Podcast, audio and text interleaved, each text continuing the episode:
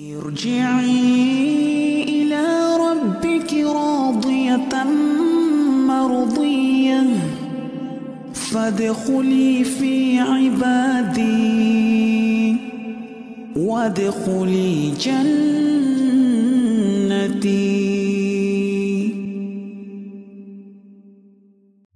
وعليكم السلام ورحمة الله وبركاته.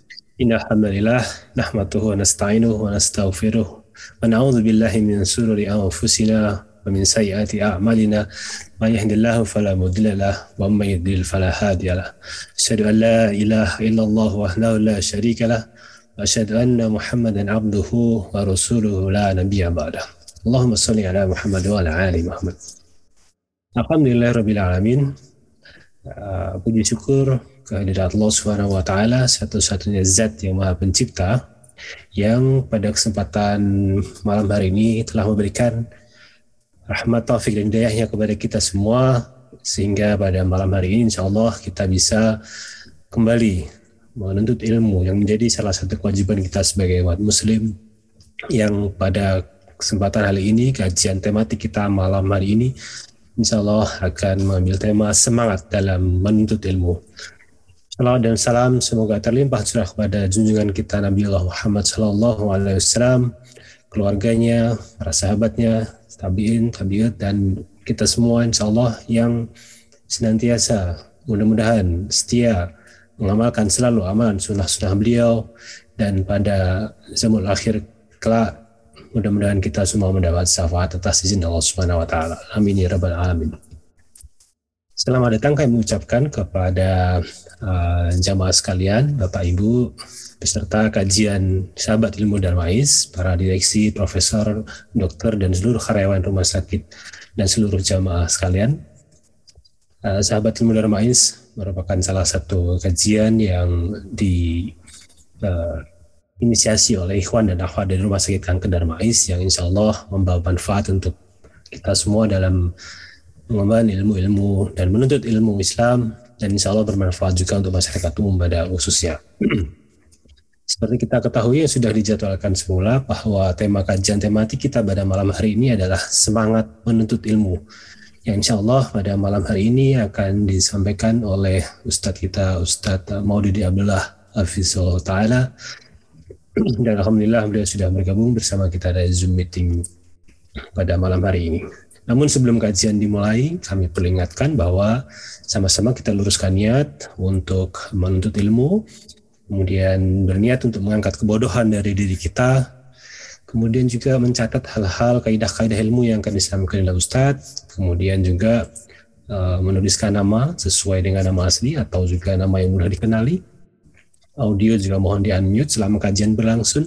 Dan untuk pertanyaan silahkan nanti jamaah sekalian menuliskan di kolom chat yang sudah disediakan atau yang ingin bertanya langsung dengan Ustadz Maududi silahkan menggunakan fasilitas raise hand. Baik, segera saja untuk tidak berlama-lama kami persilahkan Ustadz Ustadz Maududi Abdullah LC, Habis Ta'ala, kami persilahkan. Tawadul Ustadz.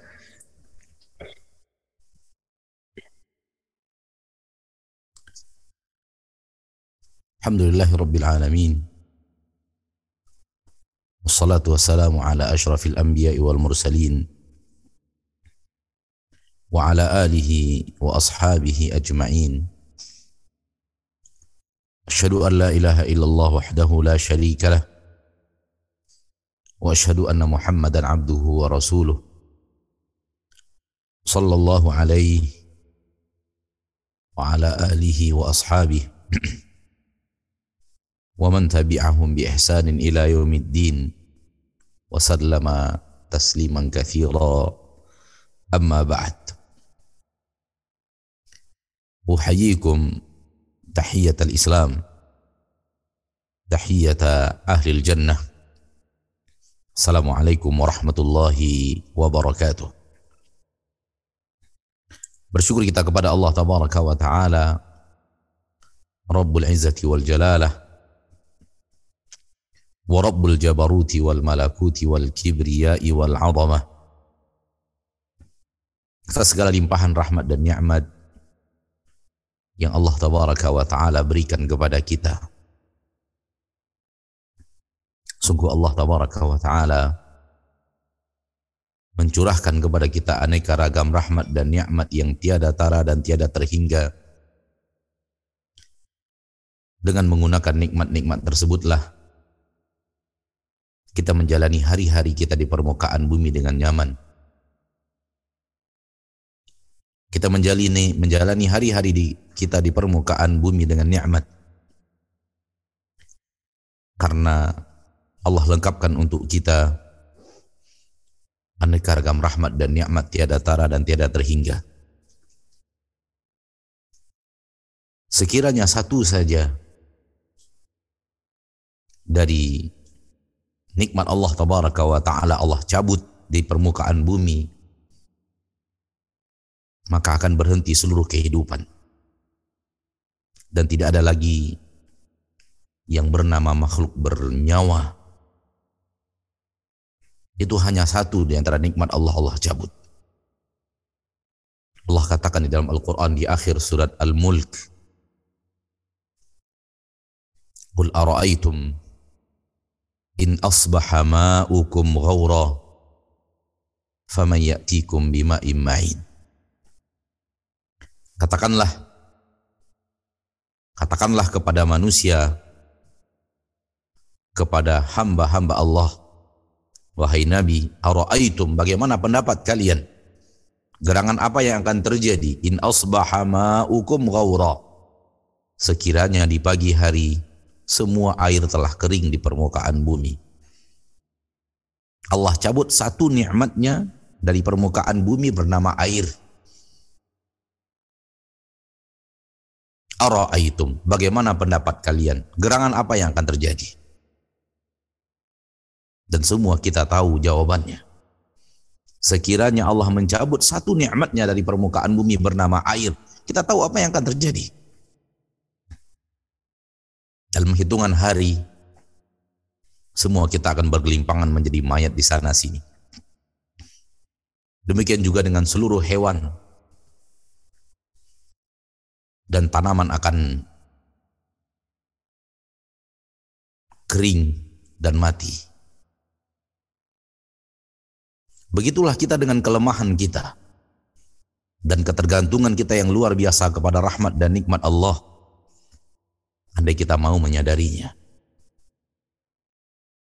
Andai kita mau mensyukurinya. Ma'asyarul muslimin, ma'asyarul muslimat rahimani wa rahimakumullah. Mari kita bersyukur kepada Allah atas rahmat dan nikmatnya yang tiada tara dan tiada terhingga. Dan jangan pernah kita merasa bahwa kita melakukan segala sesuatu karena kita. Namun yang benar, kita bisa melakukan apa pun itu karena Allah menyayangi kita dan mencurahkan aneka ragam dan rahmat dan nikmatnya kepada kita. Bisa apa kita tanpa jantung? Bisa apa kita tanpa paru-paru? Bisa apa kita tanpa tulang? Bisa apa kita tanpa oksigen? Tak ada yang bisa kita lakukan. Oleh karena itu kewajiban bagi setiap insan muslim dan muslimah untuk selalu menghadirkan bahwa dia bisa melakukan apa yang dia lakukan karena Allah sayang kepadanya dan Allah memberikan curahan rahmat dan nikmat yang tiada tara kepadanya. Salawat dan salam kepada Nabi kita tercinta, Rasul kita yang mulia Nabi Muhammad sallallahu alaihi wasallam yang telah memberikan kepada kita suri tauladan sempurna.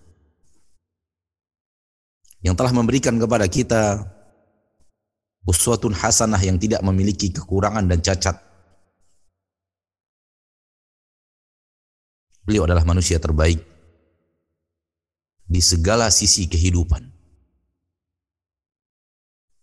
Beliau adalah orang yang tidak memiliki cacat manusiawi di segala lini kehidupan beliau. Sehingga diperintahkan kita untuk menjadikan beliau sebagai suri tauladan.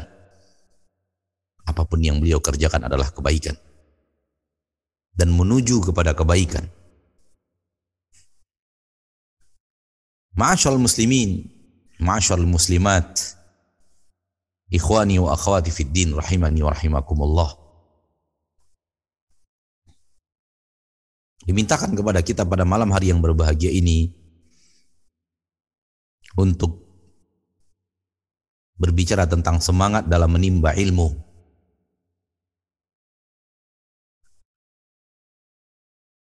Sebelum kita berbicara tentang semangat menimba ilmu yang penuh manfaat,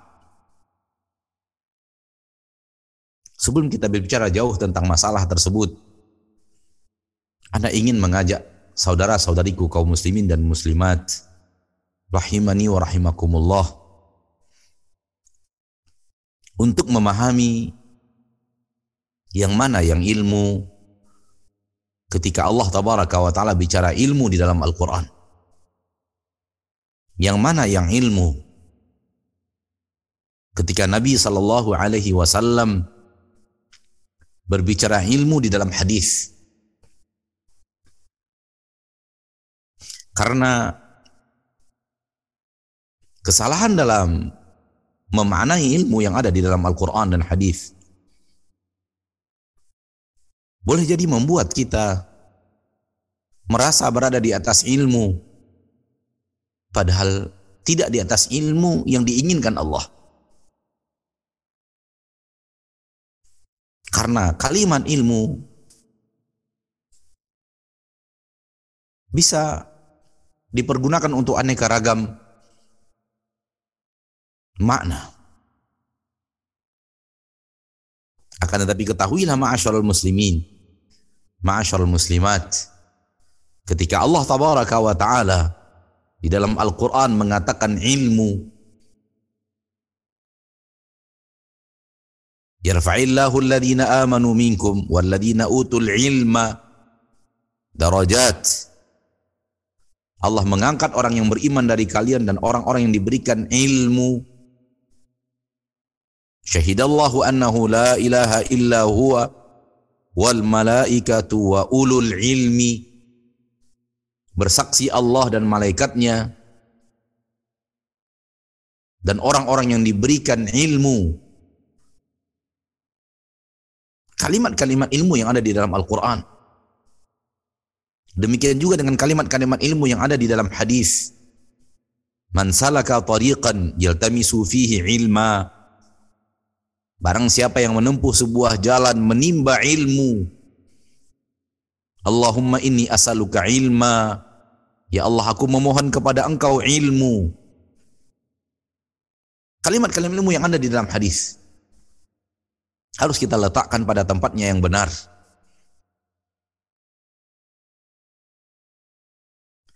Ma'asyarul muslimin, ma'asyarul muslimat rahimani wa rahimakumullah.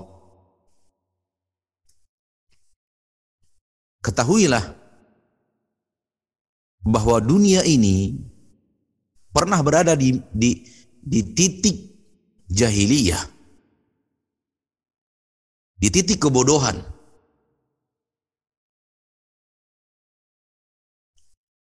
di mana manusia tidak mengetahui ilmu. Dan dunia digelapi oleh ketidak ketidaktahuan mereka tentang ilmu. Sampai datangnya Nabi kita tercinta Muhammad sallallahu alaihi wasallam dengan membawa ilmu dari Allah tabaraka wa taala Rabbul Izzati wal Jalalah.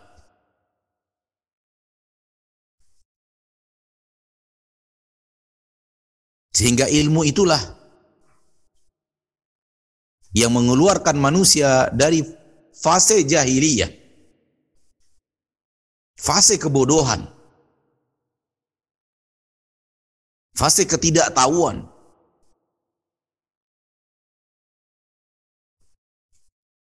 dan memasukkan mereka kepada fase berikutnya.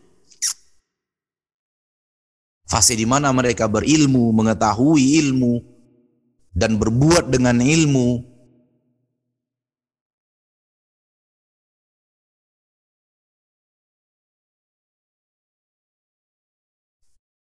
Anda ingin mengatakan bahwa kalimat ilmu yang ada di dalam Al-Quran,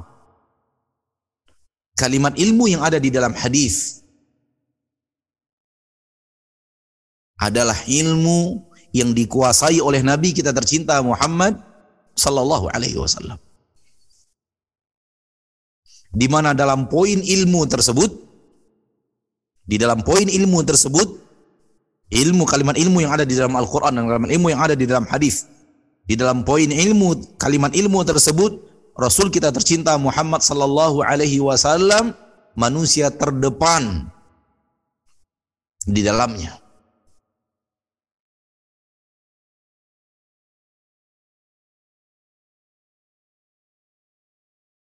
Saya ulangi. Bahwa kalimat ilmu yang ada di dalam Al-Quran adalah ilmu atau ilmu yang ada di dalam hadis adalah ilmu yang dikuasai oleh Nabi kita tercinta sallallahu alaihi wasallam.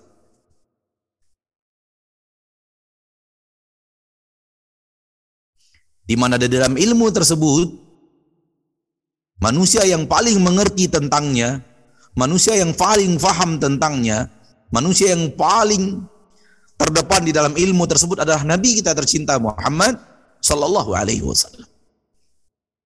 Itulah ilmu yang ada di dalam Al-Qur'an, yang ada di dalam hadis-hadis Nabi kita tercinta Muhammad sallallahu alaihi wasallam. Dalam kalimat lain atau redaksi lain, saya ingin mengatakan bahwa yang dikatakan ilmu adalah sesuatu yang diwahyukan Allah kepada Nabi kita tercinta Muhammad SAW. Itulah ilmu. Itulah kalimat ilmu yang ada di dalam Al-Quran dan kalimat ilmu yang ada di dalam hadis.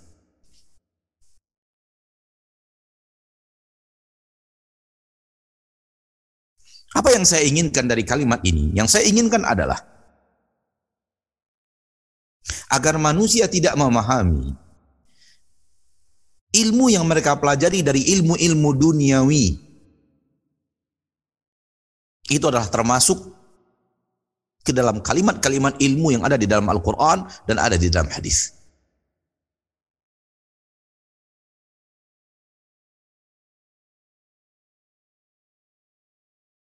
Jangan fahami bahwa kalimat ilmu yang kita pelajari dari ilmu-ilmu murni duniawi, walau bermanfaat, walau penuh dengan manfaat, dan sangat bermanfaat. Tetapi itu bukan yang Allah hajarkan kepada Nabi Sallallahu Alaihi Wasallam dan Rasulullah SAW tidak mengerti dan tidak mengetahuinya. Maka itu bukan ilmu yang disebutkan oleh Allah di dalam Al-Quran dan bukan juga bukan ilmu yang disebutkan oleh Nabi SAW di dalam hadisnya. Karena suatu kemustahilan Manakala sebuah ilmu yang Allah sebut di dalam Al-Quran dan Rasulullah SAW sebut di dalam hadis, kemudian dalam praktek amalnya, dalam aplikasi duniawinya, ternyata kita lebih mengerti dari Rasul. Kita lebih faham dari Nabi kita tercinta Muhammad Sallallahu Alaihi Wasallam. Ini hal yang mustahil secara ilmiah dan secara imaniyah.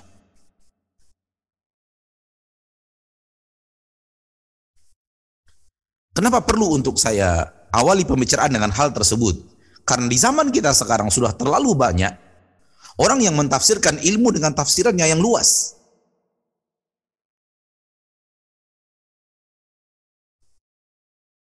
Tidak masalah tafsiran yang luas, karena ilmu juga memiliki aneka ragam makna yang mengandung aneka ragam makna. Namun ilmu yang dimaksud oleh Allah di dalam Al-Quran dan ilmu yang dimaksud oleh oleh Nabi SAW di dalam hadis bukanlah tafsiran yang luas itu. Akan tetapi dia khusus berhubungan dengan wahyu yang Allah turunkan kepada Nabi SAW dan Nabi ajarkan kepada umat dan di dalam wahyu tersebut Nabilah orang yang terdepan dalam mengetahuinya. Nabilah sallallahu alaihi wasallam orang yang paling memahami dan paling mengerti dan paling mengamalkan ilmu tersebut. Maka kalau ini kita fahami, kita akan mengeluarkan dari kalimat ilmu yang ada di dalam Al-Quran. Kalimat ilmu yang ada di dalam hadis, ilmu-ilmu duniawi murni. Seperti ilmu arsitektur, yang sangat bermanfaat untuk manusia, ilmu fisika, kimia, biologi, geografi, yang sangat bermanfaat untuk manusia. Dan sebutkan apa saja. Yang di dalam ilmu yang kita katakan ilmu itu manakala kita lihat manusia yang mengetahui ilmu tersebut. Lalu digandeng dengan Nabi kita tercinta SAW Nabi kita akan kalah. Mari kita lihat. Ahli geografi. Lalu letakkan nama Nabi Muhammad SAW di sampingnya. Rasulullah akan menjadi nomor sekian. Bahkan mungkin kita katakan tidak mengerti ilmu geografi. Ilmu fisika. Akan ada orang-orang yang sangat mahir dan sangat mahir di atas kemampuan Nabi kita tercinta sallallahu alaihi wasallam bahkan tidak tertutup kemungkinan orang tersebut bukanlah orang yang beriman kepada Allah dan Rasulnya. Dari sini Anda ingin mengingatkan saudaraku, saudariku, kaum muslimin dan muslimat. Kalimat ilmu yang ada di dalam Al-Quran tidak bisa maknanya kepada hal tersebut. Barang siapa yang menempuh jalan, dia menimba ilmu, dia mencari ilmu di jalan tersebut. Ilmu yang dia adalah wahyu Allah dan Rasul, wahyu Allah kepada Rasulnya. Adapun ketika dia berjalan di sebuah jalan yang dia cari adalah ilmu duniawi murni, maka tidak masuk ke dalam kandungan hadis tersebut.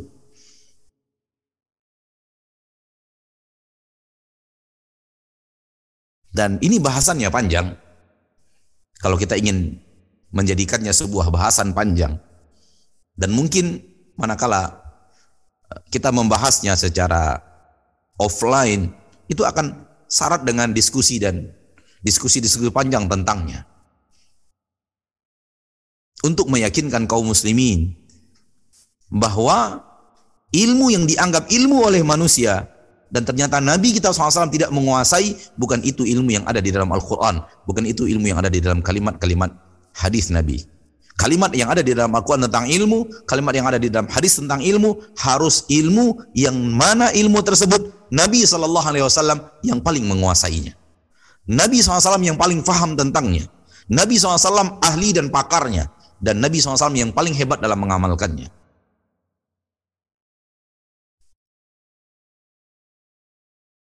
Maka kalimat ilmu di dalam Al-Quran dan hadis.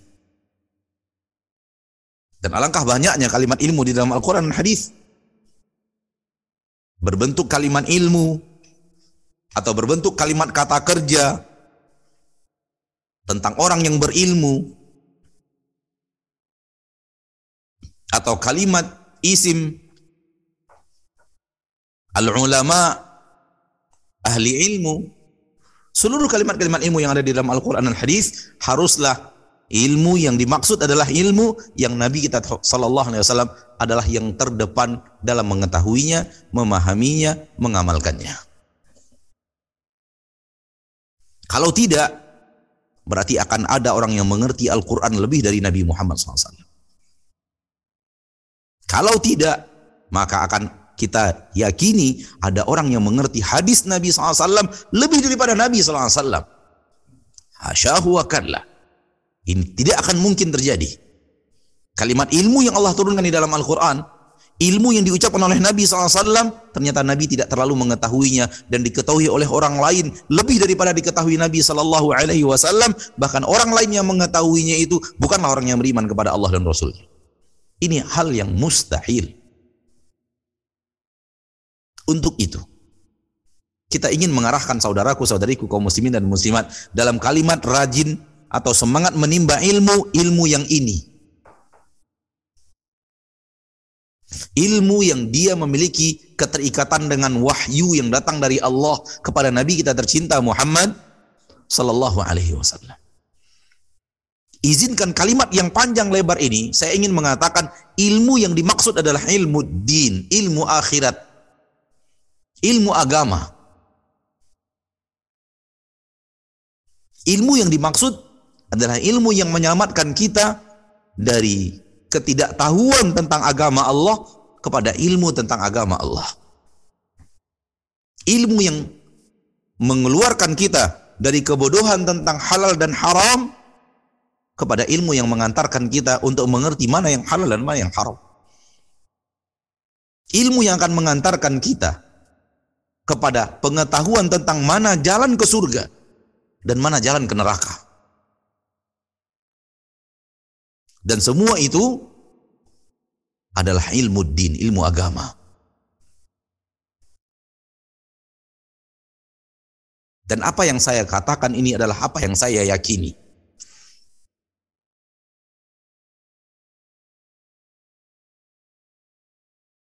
Bahwa ilmu duniawi murni, semisal matematika, fisika, kimia, biologi, geografi, dan seterusnya, dan seterusnya, dan seterusnya, itu tidak termasuk ke dalam kalimat ilmu yang ada di dalam Al-Quran dan Hadis.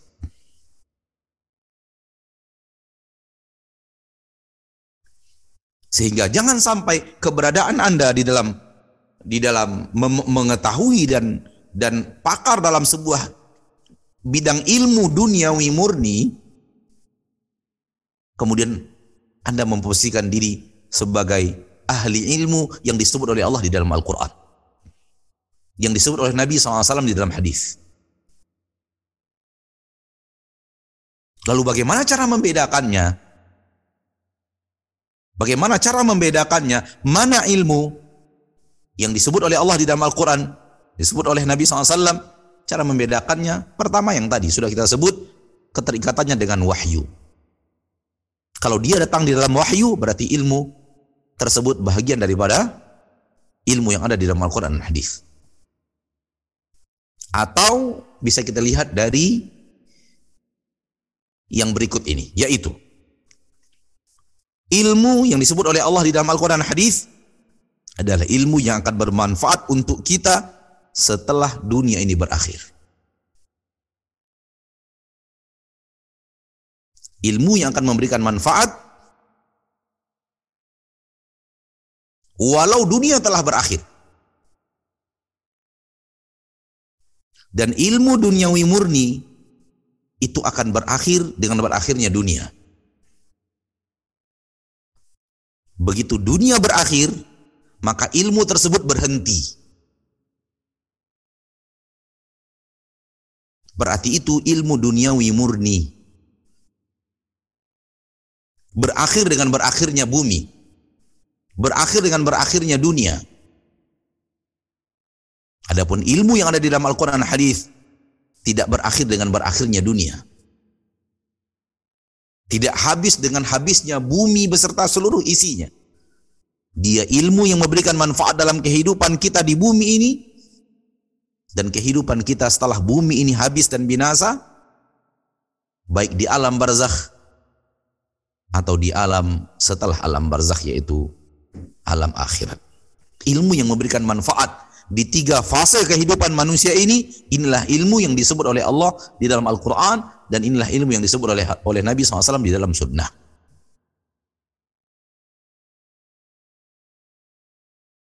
Sehingga ketika kita sudah mengetahui poin ini, poin ilmu ini, kita akan mengerti maksud daripada tujuan memberikan semangat untuk menimba ilmu. Ilmu yang mana? Ilmu yang akan bermanfaat untukmu wahai muslim, wahai muslimah dalam kehidupanmu di permukaan bumi dan setelah engkau tinggalkan bumi menuju alam barzakh dan ilmu yang akan memberikan manfaat kepadamu ketika engkau tinggalkan alam barzakh menuju alam akhirat. Alam kehidupan yang abadi hadap alam kehidupan yang hakiki. Itulah ilmu yang dimaksud. Ma'asyarul muslimin, ma'asyarul muslimat, saudara-saudariku rahimani wa rahimakumullah. Maka ketahuilah bahwa ilmu yang dimaksud oleh Allah dan dan Rasulnya di dalam hadis adalah ilmu din, ilmu agama. Yang akan mengenalkan engkau kepada tiga poin penting. Mengenalkan engkau pertama kepada siapa Robmu, siapa nabimu, dan apa yang diajarkan oleh Allah di dalam agamamu.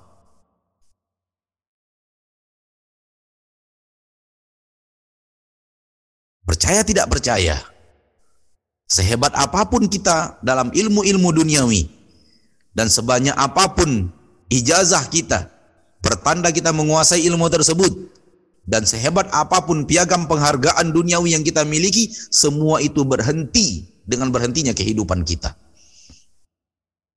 Dan kita, kita ketika kita masuk ke alam barzakh, pertanyaannya hanya tiga. Man Rabbuk, siapa Robmu? man nabiyuk, siapa nabimu, wa madinuk dan apa agamamu. Maka ilmu yang mengantarkan Anda kepada tiga poin penting ini, itulah ilmu syar'i. Itulah ilmu yang Allah turunkan kepada kepada Nabi-Nya SAW dan diperintahkan Nabi SAW untuk mengajarkannya kepada manusia. Dan kalau engkau menguasai ilmu tersebut dan engkau amalkan, niscaya engkau akan bisa menjawab tiga pertanyaan malaikat tersebut yang telah diberitahu kepada kita bahwa malaikat akan menanya tiga pertanyaan tersebut. Dan saya sungguh sangat tergelitik ketika seorang teman mengatakan kepada saya sehingga saya ingat sampai sekarang bahwa sehebat apa pun kita, sehebat apa pun gelar kita, pertanyaan di alam barzakh tetap saja pertanyaan ketika kita MDA. Pertanyaan yang ada dalam pelajaran MDA kita Man rabbuk wa man di wa man nabiyyuk wa madinuk. Ini kita pelajari ketika MDA dulu. Semua kita yang MDA atau belajar di masjid TPQ dan yang lainnya. Inilah dia pelajaran MDA kita. Maka sehebat apa pun gelar kita, pertanyaan alam barzakh tetap kepada pertanyaan untuk sebuah pelajaran yang kita pelajari di masa MDA dahulu kala. Ma'asyiral muslimin, ma'asyiral muslimat. Semua kita wajib untuk menyadarkan diri kita bahwa ilmu adalah sesuatu yang sangat teramat penting. Dan sekali lagi ingat ketika kita bicara ilmu di sini, ilmu yang tadi kita bicarakan di, di mukaddimah. Tanpa ilmu ini, kita tidak akan tahu mana jalan ke surga dan mana jalan ke neraka. Tanpa ilmu ini, kita tidak akan tahu mana yang dibolehkan kita mengerjakannya, mana yang tidak dibolehkan kita mengerjakannya.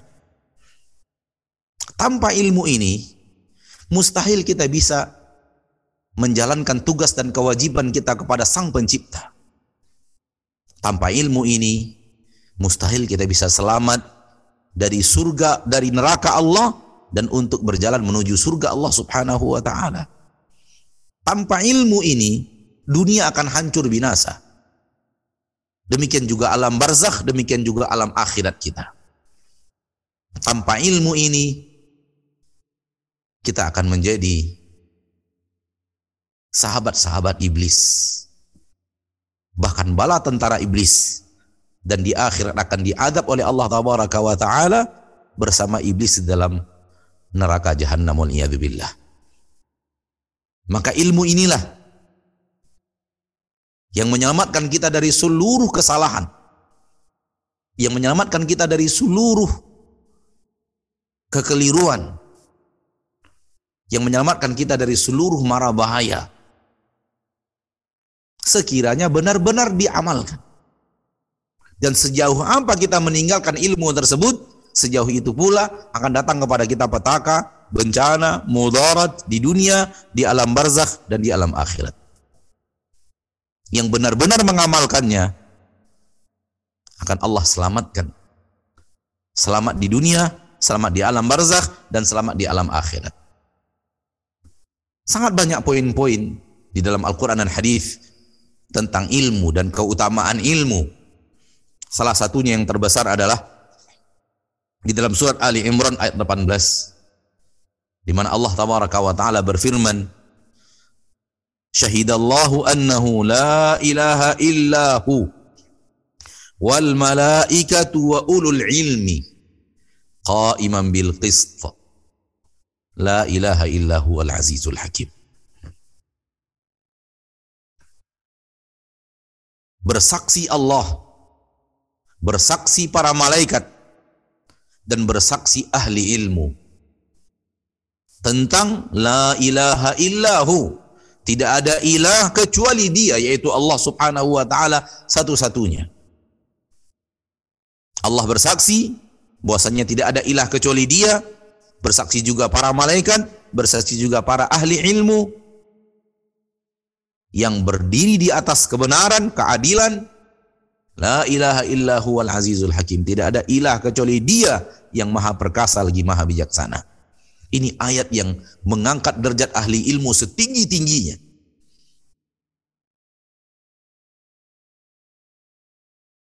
Allah bersaksi. Sebenarnya persaksian Allah sudah cukup. Tidak ada persaksian yang lebih hebat dari persaksian Allah tabaraka wa taala. Akan tetapi Allah memuliakan makhluknya dengan menyertakan persaksian mereka bersama persaksian Allah dan yang Allah sertakan dua. Pertama malaikat. Bersaksi Allah dan bersaksi malaikat. Memuliakan para malaikat seluruhnya tanpa terkecuali. Dan jumlah mereka tidak ada yang tahu kecuali Allah tabaraka wa taala. Dan bersaksi ahli ilmu dari kalangan manusia dan jin tidak semuanya yang bersaksi dipakai persaksiannya dan diangkat oleh Allah persaksiannya sehingga menjadikan mereka persaksian mereka dibawakan dalam persaksian terhebat di permukaan bumi ini. Namun hanya persaksian ahli ilmu. Sehingga ahli ilmu disertakan dengan para malaikat dalam persaksian terbesar persaksian Allah bahwasanya tidak ada ilah kecuali Dia disertakan para malaikat, persaksian para malaikat, disertakan persaksian manusia, namun hanya manusia-manusia ahli ilmu. Tidak semuanya. Ini ayat yang sangat mengangkat derajat ahli ilmu setinggi-tingginya. Sekaligus mengangkat derajat ilmu setinggi-tingginya. Bahwa persaksian ahli ilmu di disandingkan dengan persaksian Allah dan persaksian malaikat. Kemudian ayat yang ada di dalam Al-Quran, surat Al-Mujadilah, ayat yang ke-11 yang sangat masyur tentang ilmu. Allah tabaraka wa taala berfirman, "Yarfa'illahu alladhina amanu minkum walladhina utul ilma darajat." Allah mengangkat orang-orang yang beriman dari kalian dan orang-orang yang diberikan ilmu darajat, derajat yang sangat tinggi. Ma'asyarul muslimin, ma'asyarul muslimat, rahimani wa rahimakumullah. Maka izinkan ana untuk mengajak kita bersemangat menimba ilmu ini. Ilmu yang akan memberikan manfaat kepada kita di dunia dengan mengertinya kita jalan yang harus kita tempuh. Perbuatan yang harus kita lakukan. Mengertinya kita tindakan demi tindakan yang kita kerjakan, mana yang boleh untuk kita lanjutkan, mana yang tidak boleh untuk kita tinggalkan.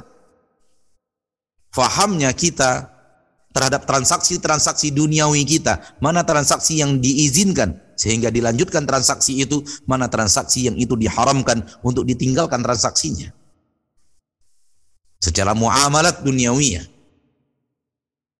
Ditunjukkan oleh Allah dan Rasulnya mana yang boleh, mana yang tidak boleh. Di dalam ilmu. Sehingga akhirnya kaki kita melangkah di langkah yang penuh dengan kepastian. Dan inilah kemuliaan atau kenikmatan yang dirasakan oleh orang-orang yang menimba ilmu din, ilmu agama. Di mana ketika dia melangkah dia meletakkan kakinya di atas sebuah sebuah tempat yang penuh dengan kepastian. sehingga tidak ada keraguan di dalamnya. Dia letakkan kakinya di tempat yang halal, yang Allah ridhoi, yang tidak akan menghancurkan dunia dan akhiratnya. Setiap tindak tanduknya berlandaskan ilmu sehingga apa yang dia kerjakan penuh dengan perhitungan bahwa hal tersebut sesuatu yang diizinkan Allah dan Rasulnya. Oleh karena itu, para ulama semuanya berbicara bahwa ilmu memimpin di depan, baru kemudian diikuti oleh amal, baru kemudian diikuti oleh dakwah. Ilmu memimpin di depan.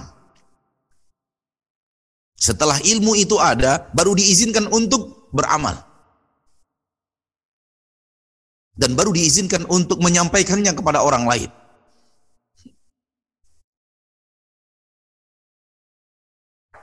Kata para ulama, ilmu dalam kehidupanmu itu bagaikan cahaya bagi orang yang berjalan di kegelapan malam yang gelap gulita. Jadikan ilmu dalam hidupmu, wahai muslim dan muslimah, itu bagaikan cahaya bagi seorang yang berjalan di malam yang sangat gelap gulita. Pernahkah Anda menyaksikan atau merasakan anda berada dalam sebuah kegelapan malam. Di saat engkau jauh dari pencahayaan-pencahayaan kota. Engkau berada di sebuah negeri yang sangat tidak memiliki pencahayaan-pencahayaan manusiawi yang dibuat oleh manusia. Satu-satunya cahaya yang ada padamu adalah cahaya yang ada di tanganmu. Dengan alat yang kau miliki. Apa gerangan yang akan engkau lakukan? Maka ilmu untuk manusia seperti cahaya ini bagi orang yang berjalan di, di kegelapan malam. Dan sudah pasti kita tahu apa yang akan dilakukan oleh orang yang memegang sebuah cahaya di tangannya, sebut itu senter, sebut itu uh, apa namanya api yang di tangan semacam ya obor yang ada di tangannya atau lebih modern mungkin kita katakan center dan yang lainnya. Apa yang akan terjadi? Maka dia akan dengan ilmu tersebut, ilmu akan cahaya dari cahaya dari dari dari center tersebut akan dia letakkan di depannya. Untuk apa? Untuk kepastian dia melangkah. Untuk kepastian di mana kaki harus dia letakkan.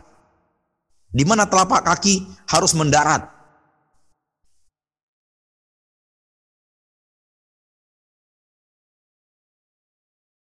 Itulah fungsi ilmu.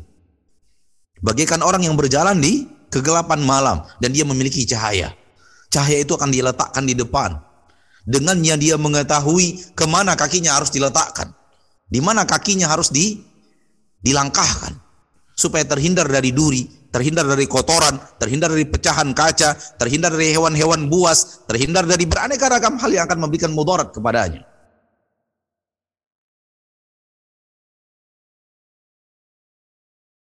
Itulah ilmu ma'asyarul muslimin. Dan begitulah seorang muslim hidup dengan ilmu. Ilmu dia letakkan di depan, dengannya dia berangkah dengan penuh kepastian. Ma'asyarul muslimin, ma'asyarul muslimat, rahimani wa rahimakumullah. Maka sesuai dengan yang ingin di, di, dimintakan kepada kita untuk membahasnya pada malam yang berbahagia itu semangat dalam menimba ilmu. Kalau demikian fungsi ilmu, dia adalah penyelamat dirimu dari aneka ragam kehancuran dan kebinasaan, aneka ragam kepedihan, aneka ragam mara bahaya. Maka gerangan apa engkau wahai muslim dan muslimah tidak bersemangat dalam menimba ilmu tersebut dan bermalas-malasan dalam menimba ilmu tersebut.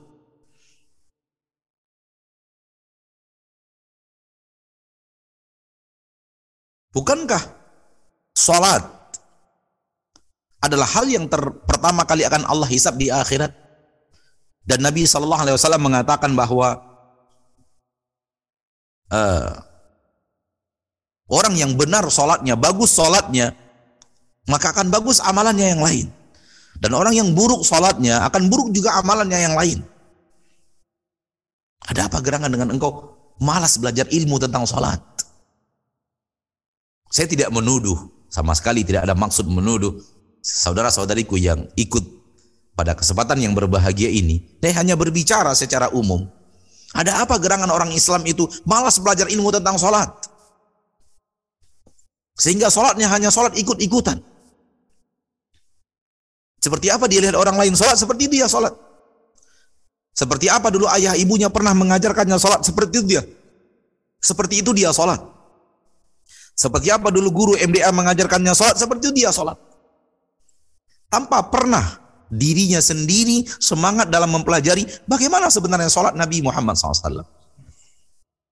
Bagaimana sebenarnya Nabi mengajarkan sholat kepada kepada umatnya. Karena belum tentu apa yang diajarkan oleh orang tua kita semuanya benar. Dan belum tentu semua yang diajarkan oleh guru MDA kita semua kita semuanya benar. Karena orang tua kita jelas bukan pakar ilmu syariat. Dan guru MDA kita jelas bukan pakar ilmu syariat. Kalau dia pakar ilmu syariat, tak akan dia menjadi guru MDA.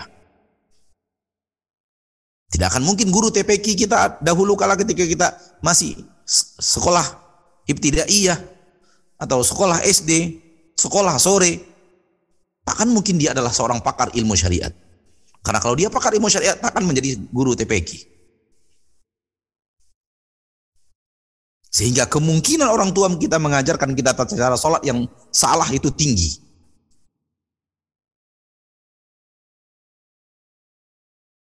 Alhamdulillah kita telah diajarkan sholat oleh orang tua kita. Namun tak cukup sampai di situ.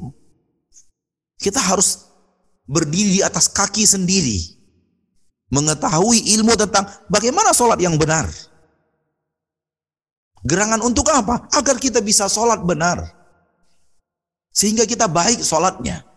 Baik sholatnya, baik amalan kita yang lain. Rusak sholat kita karena kita malas belajar ilmu tentang sholat. Kita cukupkan dengan dengan apa yang kita dapatkan dari apa yang telah kita katakan tadi akan buruk sholat kita. Buruk sholat kita, buruk amalan kita yang lainnya.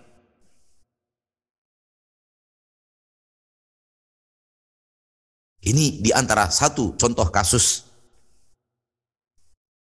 di mana kita harus mengerti bahwa kita kita sendiri harus berilmu tentang kewajiban kita kepada Allah.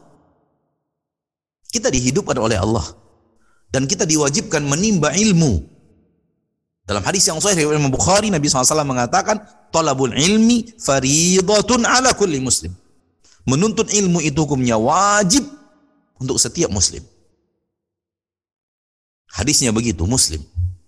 Namun maknanya tentu muslim dan dan muslimah.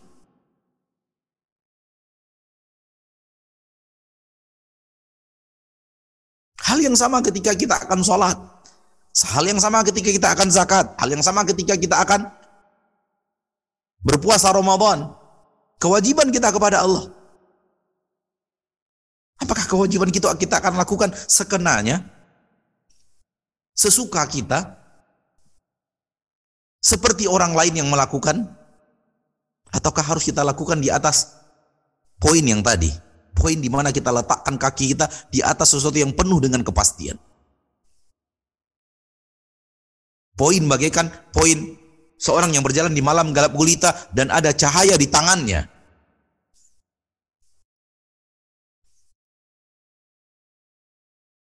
Masyarul muslimin, masyarul muslimat. Kalau kita faham akan poin-poin seperti ini, saya yakin dan percaya. Kalau kita hati kita benar-benar memahaminya, akan timbul semangat menimba ilmu.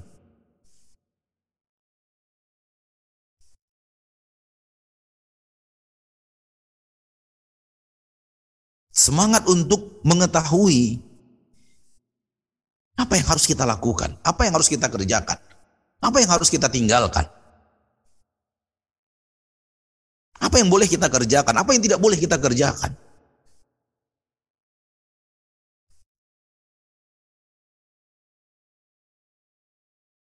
Dan walaupun kemudian kita harus berkorban, Saya memiliki seorang teman. Dan beliau pedagang emas.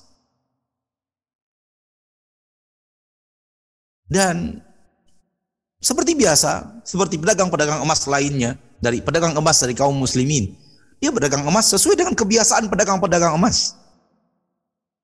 Ternyata ketika dia mulai belajar ilmu agama, semangat menimba ilmu agama, dan dia pelajari bagaimana transaksi emas yang sah secara syariat, mana yang tidak boleh secara syariat, maka dia harus mengorbankan banyak emasnya. Karena ternyata berada di atas transaksi yang salah dan berada di atas penjualan yang salah. Namun saudara kita tersebut dengan ikhlas dan ridho harus rugi sekian banyak kekayaannya demi kehalalan yang dia dapatkan. Ikhwani fiddin rahimani rahimakumullah. Ketika seseorang tidak menimba ilmu agama, akhirnya transaksi-transaksi emas yang dia lakukan setiap hari maksiat. Subhanallah. Gerangan apa yang akan terjadi padanya nanti ketika dia bertemu dengan Allah Subhanahu wa taala.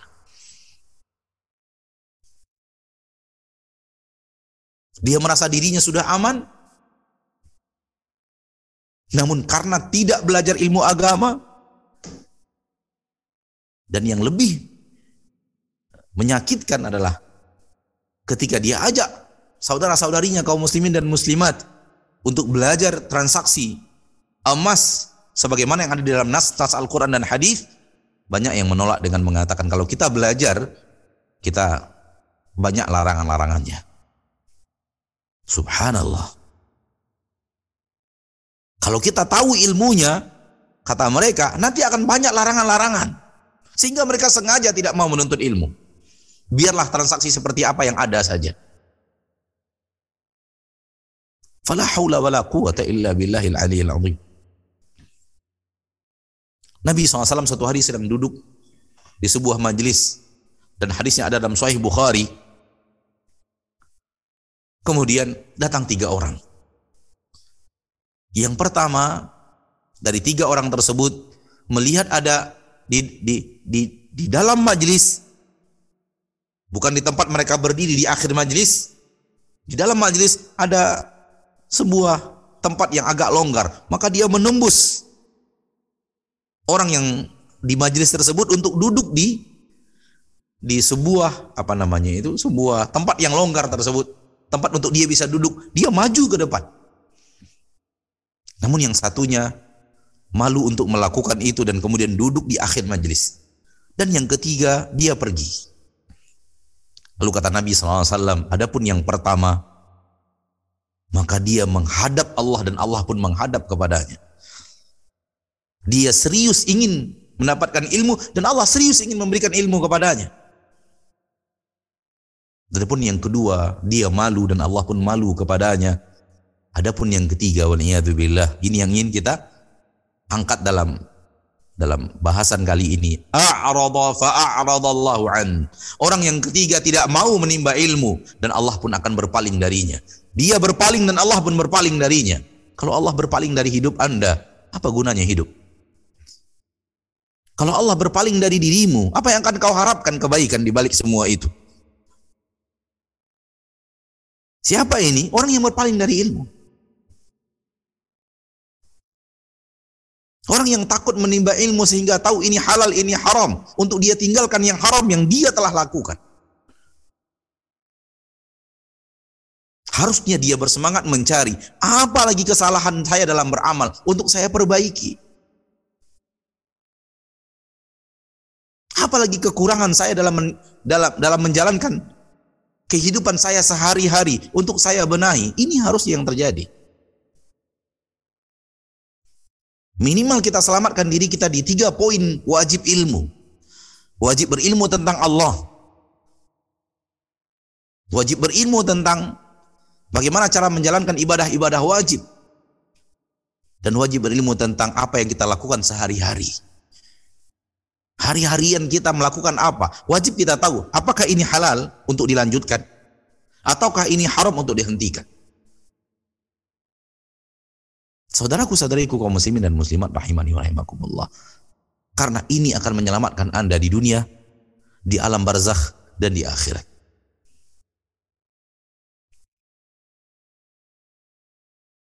Ilmu itulah yang harus Anda dapatkan. Ilmu itulah yang harus Anda tuntut Ilmu tersebutlah Anda harus bersemangat untuk mengetahuinya. Adapun setelah ilmu wajib ini, maka ilmu yang lainnya hukumnya adalah fardu kifayah. Apabila sudah ada yang mempelajarinya, maka engkau tidak wajib lagi mempelajarinya. Namun harus ada di antara manusia yang mempelajari ilmu tersebut. Tidak semua ilmu agama adalah hukumnya wajib aini, wajib ain, fardu ain. Fardu ain dalam tiga perkara tadi. Sehingga Anda benar-benar mengerti tentang Rob Anda, tentang berakidah, tentang bertauhid, menjauhi syirik, menjauhi kemunafikan, menjauhi kekufuran, menjauhi kesyirikan, agar selamat Anda dari menyekutukan Allah tabaraka wa taala Rabbul Izzati wal Jalalah dan kemudian Anda tahu bagaimana cara menjalankan kewajiban Anda kepada Allah dengan ilmu yang Anda pelajari sehingga Anda melakukannya dengan kepastian. Dan yang ketiga, sesuatu yang Anda lakukan saban hari. Sesuatu yang Anda kerjakan setiap hari. Karena kalau Anda tidak tahu ilmunya, boleh jadi saban hari dan setiap hari Anda melakukan maksiat. Setelah tiga ilmu ini dikuasai, dan diketahui, maka ilmu yang lain daripada ilmu syariat hukumnya fardu kifayah. Kalau sudah ada yang lain mempelajari, maka kita tidak wajib lagi mempelajarinya. Walau mempelajarinya tentu jauh lebih hebat dan lebih mulia. Karena Allah benar-benar mengangkat orang-orang yang berilmu dan Allah benar-benar menjadikan orang yang berilmu itu di atas di antara orang yang tidak berilmu. Qul hal yastawil ladina ya'lamun wal ladina la ya'lamun? Katakankah, katakanlah, apakah sama antara orang yang berilmu dan orang yang tidak berilmu? Semua manusia akan tahu, jawabannya tidak sama. Tentu orang yang berilmu jauh lebih hebat, lebih mulia, lebih benar, lebih segala-galanya. Al-Imam Ibn Al-Qayyim Al-Jauziyah rahimahullah di dalam kitab beliau Miftah dari Sa'adah di jilid yang pertama sampai menyinggung kita dengan dengan ayat di dalam Al-Qur'an surat Al-Maidah. Di awal-awal surat Al-Maidah, ketika Allah bicara tentang apa yang Allah halalkan kepada manusia, maka Allah berbicara tentang halalnya memakan hewan buruan anjing yang sudah diajarkan cara berburu. Fakulu mimma amsakna alaikum wadhkuru smallahi alaih. Fakulu mimma amsakna alaikum. Silahkan makan anjing-anjing yang sudah kalian ajarkan cara berburu yang benar dan dia sudah mahir dalam berburu, pandai dalam berburu. Apabila dia menerkam sesuatu dan sesuatu yang dia terkam itu mati dibawa kepada kalian, silahkan makan hewan buruan itu. Kalau anjing yang belum diajar berburu tidak halal makanannya. Beliau mengatakan, seekor anjing saja Allah muliakan yang tahu cara berburu dengan tidak tahu cara berburu. Intinya anjing yang berilmu saja dimuliakan Allah lebih daripada anjing yang tidak berilmu. Anjing yang sudah berilmu bahwa dia dia memburu sebuah hewan untuk majikannya. Itu dihalalkan hewan buruannya. Sementara anjing yang tidak berilmu, dia boleh jadi menerkam hewan itu untuk dirinya. Sehingga tidak dihalalkan untuk memakan hewan hasil buruan anjing yang tidak belum pandai untuk berburu. Beliau mengatakan, seekor anjing saja. Hewan paling najis. Dibedakan oleh Allah hukumnya antara yang berilmu dengan yang tidak berilmu. Lalu bagaimana dengan anda wahai manusia? Anda saja makhluk yang paling hebat. Makhluk yang paling mulia. Makhluk yang paling sempurna yang Allah ciptakan. Anda khalifah di permukaan bumi. Bagaimana mungkin Anda bermalas-malasan dalam menimba ilmu? Bagaimanapun Anda menjauhi ilmu dari kehidupan Anda. Mudah-mudahan Allah tabaraka wa ta'ala Rabbul Izzati wal Jalalah memberikan kepada kita semangat untuk belajar ilmu, menuntut ilmu, dan tidak menjadikan menimba ilmu agama ini adalah sesuatu yang sekenanya saja. Ya akhi dan ukhti, jangan jadikan menimba ilmu agama ini ala kadarnya saja. Justru fokus Anda adalah tidak menimba ilmu agama. Jadikan menimba ilmu agama agama ini suatu hal yang subhanallah, hal yang paling utama dari hidupmu. Benahi. Karena kalau engkau belajar ilmu duniawi akan berakhir dengan berakhirnya hidupmu di permukaan bumi. Ketika Anda masuk alam barzakh, Allah akan tidak akan tanya, para malaikat tidak akan bertanya bagaimana ilmu-ilmu tersebut. Takkan ada pertanyaan malaikat berhubungan dengan ilmu duniawi. Dan takkan ada gunanya beraneka ragam ijazah dan penghargaan duniawi tersebut dalam ilmu duniawi tersebut takkan ada gunanya. Dan ketika seorang tidak mampu menjawab pertanyaan alam barzakh, dan dia mendapatkan ya azab kubur wa billah taulah kita bahwa itu adalah indikasi di akhirat dia akan ke neraka maka jangan sampai kita tergoda oleh dunia dan beserta perhiasannya. Sehingga itu yang kita kejar. Dan kita lupakan ilmu yang akan menyelamatkan kita di dunia di alam barzakh dan di alam akhirat. Mungkin ini yang bisa kita sampaikan secara materi pada kesempatan yang berbahagia ini. Semoga bermanfaat. Dan waktu yang tersisa kita gunakan untuk menjawab pertanyaan demi pertanyaan. Sekiranya ada ilmu kita untuk menjawabnya dari ayat-ayat Allah, dari hadis-hadis Rasulullah atau dari fatwa para ahli ilmu yang pernah kita dengar, maka kita akan jawab. Kalau kita tidak tahu ilmunya, maka kita akan katakan Allah a'lam. Nah, silahkan. Atas materinya yang sangat luar biasa memberikan kaidah kita semua untuk semangat dalam menuntut ilmu agama. Baik, kita lanjut ke sesi tanya jawab. Alhamdulillah sudah banyak sekali pertanyaan masuk di uh, kolom chat dan ada satu yang raise hand. Mohon izin saya dahulukan yang raise hand. Silahkan di unmute. Uh, pencet sila sepertinya. Ya. Halo. Silakan Pak Leo. Oh, baik. Silakan, silakan. Jazakallah khairan moderator. Assalamualaikum warahmatullahi wabarakatuh Ustaz. Waalaikumsalam warahmatullahi wabarakatuh. Barakallahu fiik Ustaz. Fika barak. Barakallahu fikum juga buat uh, jamian semua. Ustaz terkait perkataan uh, satu-satunya tangga untuk menuju puncak keimanan itu adalah ilmu Ustaz. Hmm. Apakah ini tuh uh, sebuah koidah atau dalil gitu Ustaz? Ya. Itu aja sih Ustaz. Jazakallah khairan Ustaz. Wa Apakah itu iman? Tahukah kita apa itu iman? Iman adalah kekuatan keyakinan. Kekuatan keyakinan. Ke keyakinan yang sangat kuat dan kokoh itulah iman.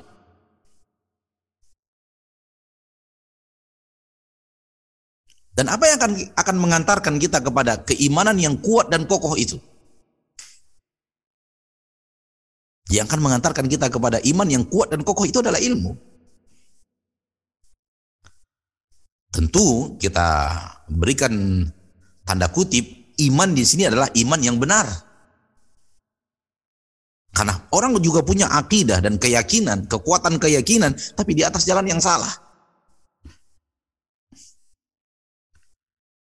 Kenapa? Karena ilmunya salah.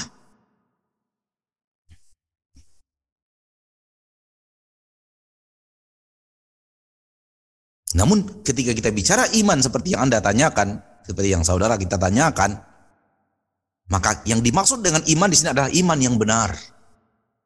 Iman yang diridhoi, iman yang di, dicintai oleh Allah dan Rasulnya.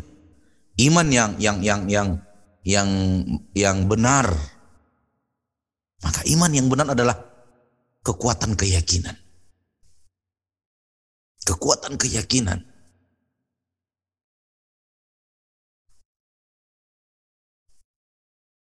Dan apa yang akan mengantarkan kita kepada kekuatan keyakinan itu kalau bukan ilmu?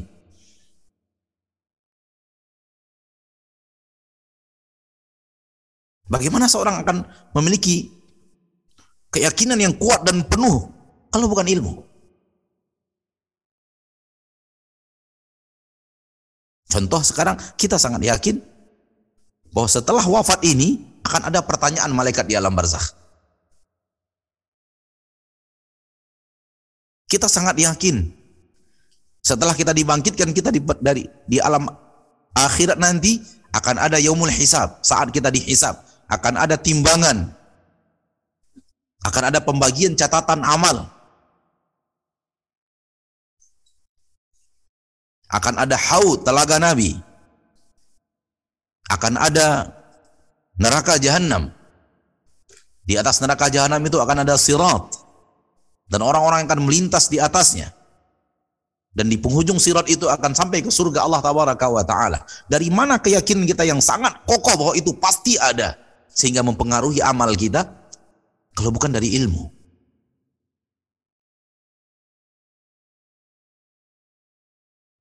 Hal yang sama ketika seseorang punya ilmu yang salah sehingga dia punya keyakinan yang sangat kuat namun salah. Dan secara ilmu agama itu tidak boleh disebut iman. Karena itu kesesatan. Seperti sesatnya orang yang sangat meyakini bahwa Allah ada di dalam badannya.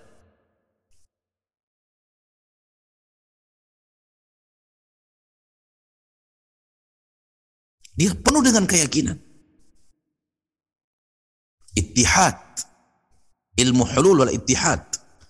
Akidah hulul dan ittihad. Akidah bahwa Allah bisa masuk ke dalam raga seorang manusia. Dan seorang manusia bisa bergabung antara dirinya dengan rohnya. Dan itu kita dengarkan langsung dengan telinga kita dari mereka-mereka yang telah bertaubat daripada ilmu tersebut. Kata mereka, harus yakin, saya yakin yakinnya bahwa ketika kita meninju seseorang yang meninju itu adalah Allah bukan kita. Baru kemudian tinju itu akan bermanfaat untuk sekali tinju orang akan mati. Kalau tidak akan tidak akan tidak akan bermanfaat. Ketika dia meninju seseorang dia harus meyakini Allah yang meninju. Yang ada di dalam badannya.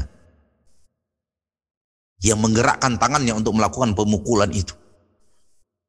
Dia yakin sepenuh keyakinan namun itu yakin bukan iman. Itu justru adalah kesesatan.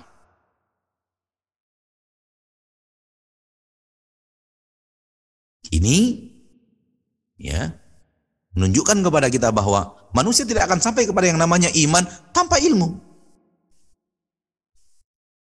Iman tentu tanda kutip yang tadi, iman yang hak, iman yang benar, iman yang Allah inginkan.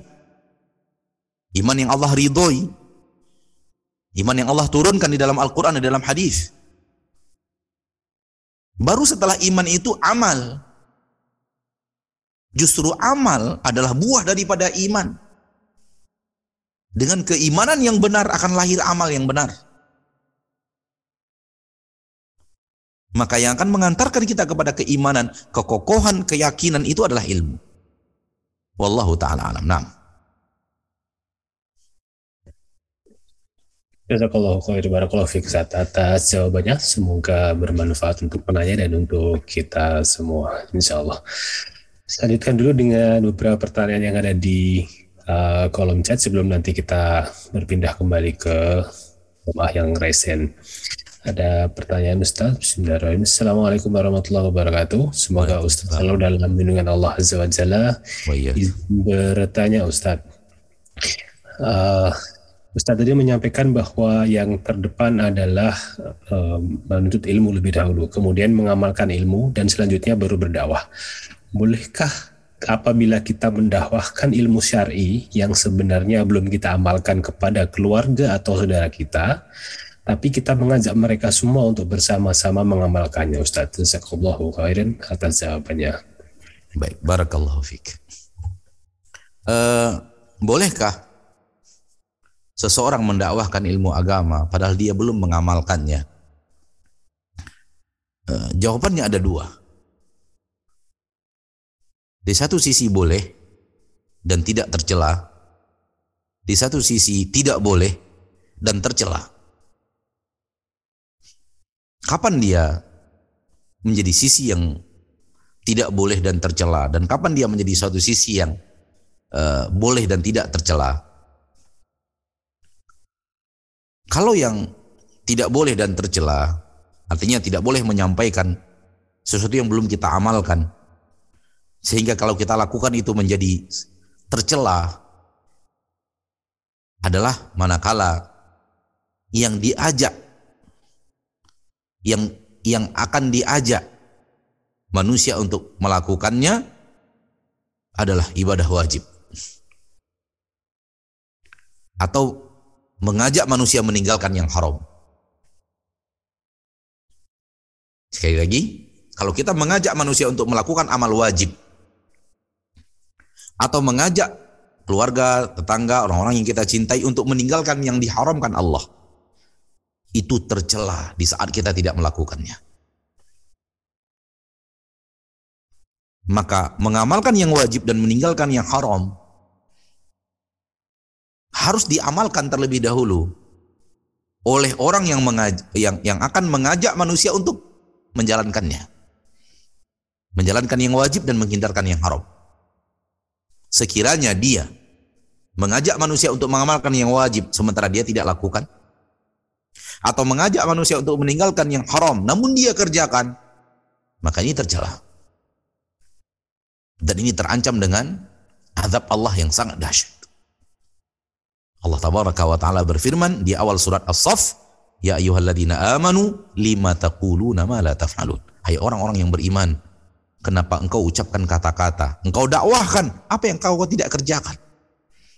Kabura maqtan 'indallahi an taqulu ma la taf'alun.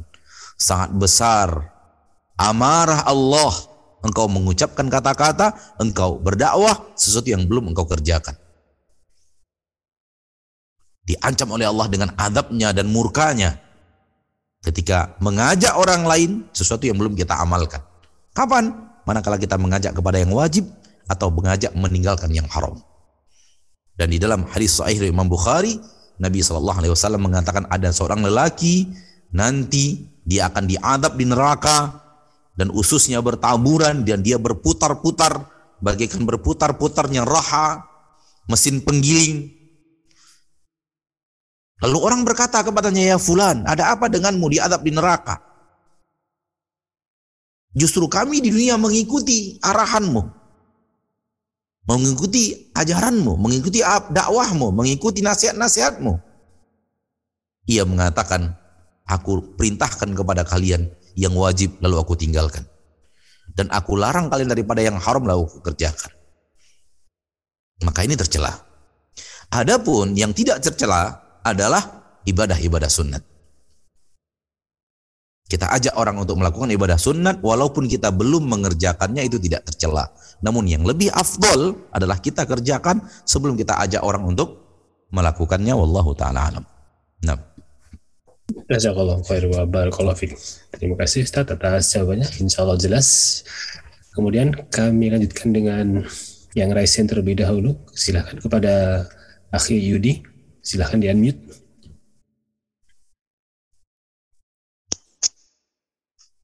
Ya. Assalamualaikum warahmatullahi wabarakatuh Ustaz. Waalaikumsalam warahmatullahi wabarakatuh. Ya. Terima kasih atas waktunya. Uh, saya ingin menanyakan mengenai ini Ustaz. Uh, kita dapat hadiah mukena dari uh, Bank Syariah Indonesia yang mana kita buka rekening untuk haji kan ya. Nah, itu hadiah mukena itu terkait dengan ribanya enggak ya Ustadz ya? Dan kalau memang itu terkait riba, bagaimana kita untuk menghalalkannya agar bisa dipakai gitu? Demikian Ustadz, syukran jazakumullah khairan, barakallahu fikum. Fika barak. Fika barak. Uh, setelah kita tahu bahwa eh, penghasilan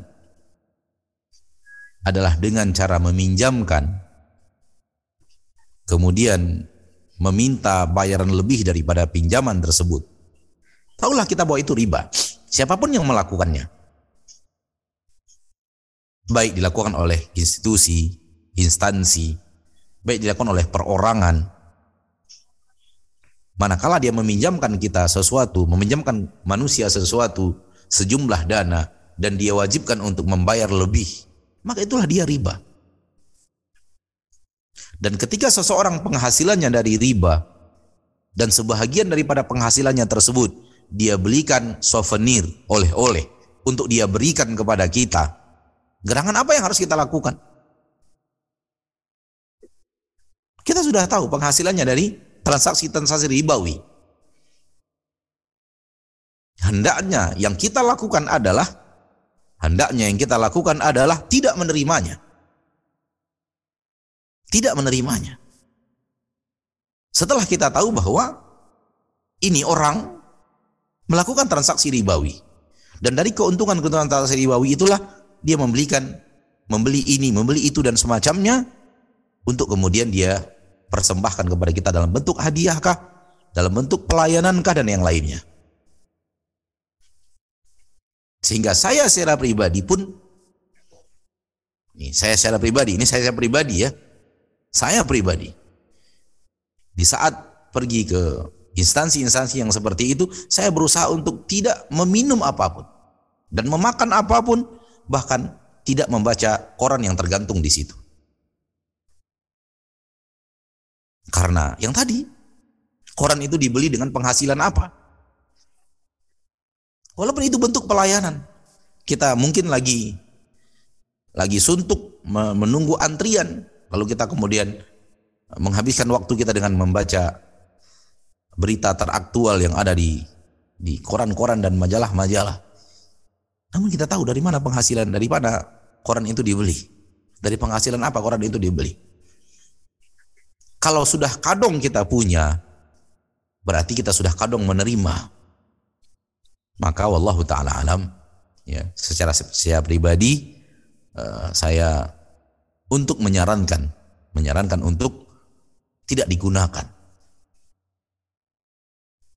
Dan secara pribadi, ini secara pribadi, saya menyarankan untuk dimusnahkan. Wallahu taala alam. Jazakallahu Barakallahu fiik atas beberapa pertanyaan dan jawabannya Ustaz. Banyak sekali pertanyaan yang masuk. Uh, ada beberapa yang sudah Ustaz jawab tadi di penyampaian materi. Kemudian juga saya mencoba menggabungkan beberapa pertanyaan dari yang masuk sebelum saya kembali nanti ke Mas kalau masih ada waktu kembali ke yang resen. Masya Allah banyak sekali pertanyaan. Pertanyaan lagi Ustaz. Bismillahirrahmanirrahim.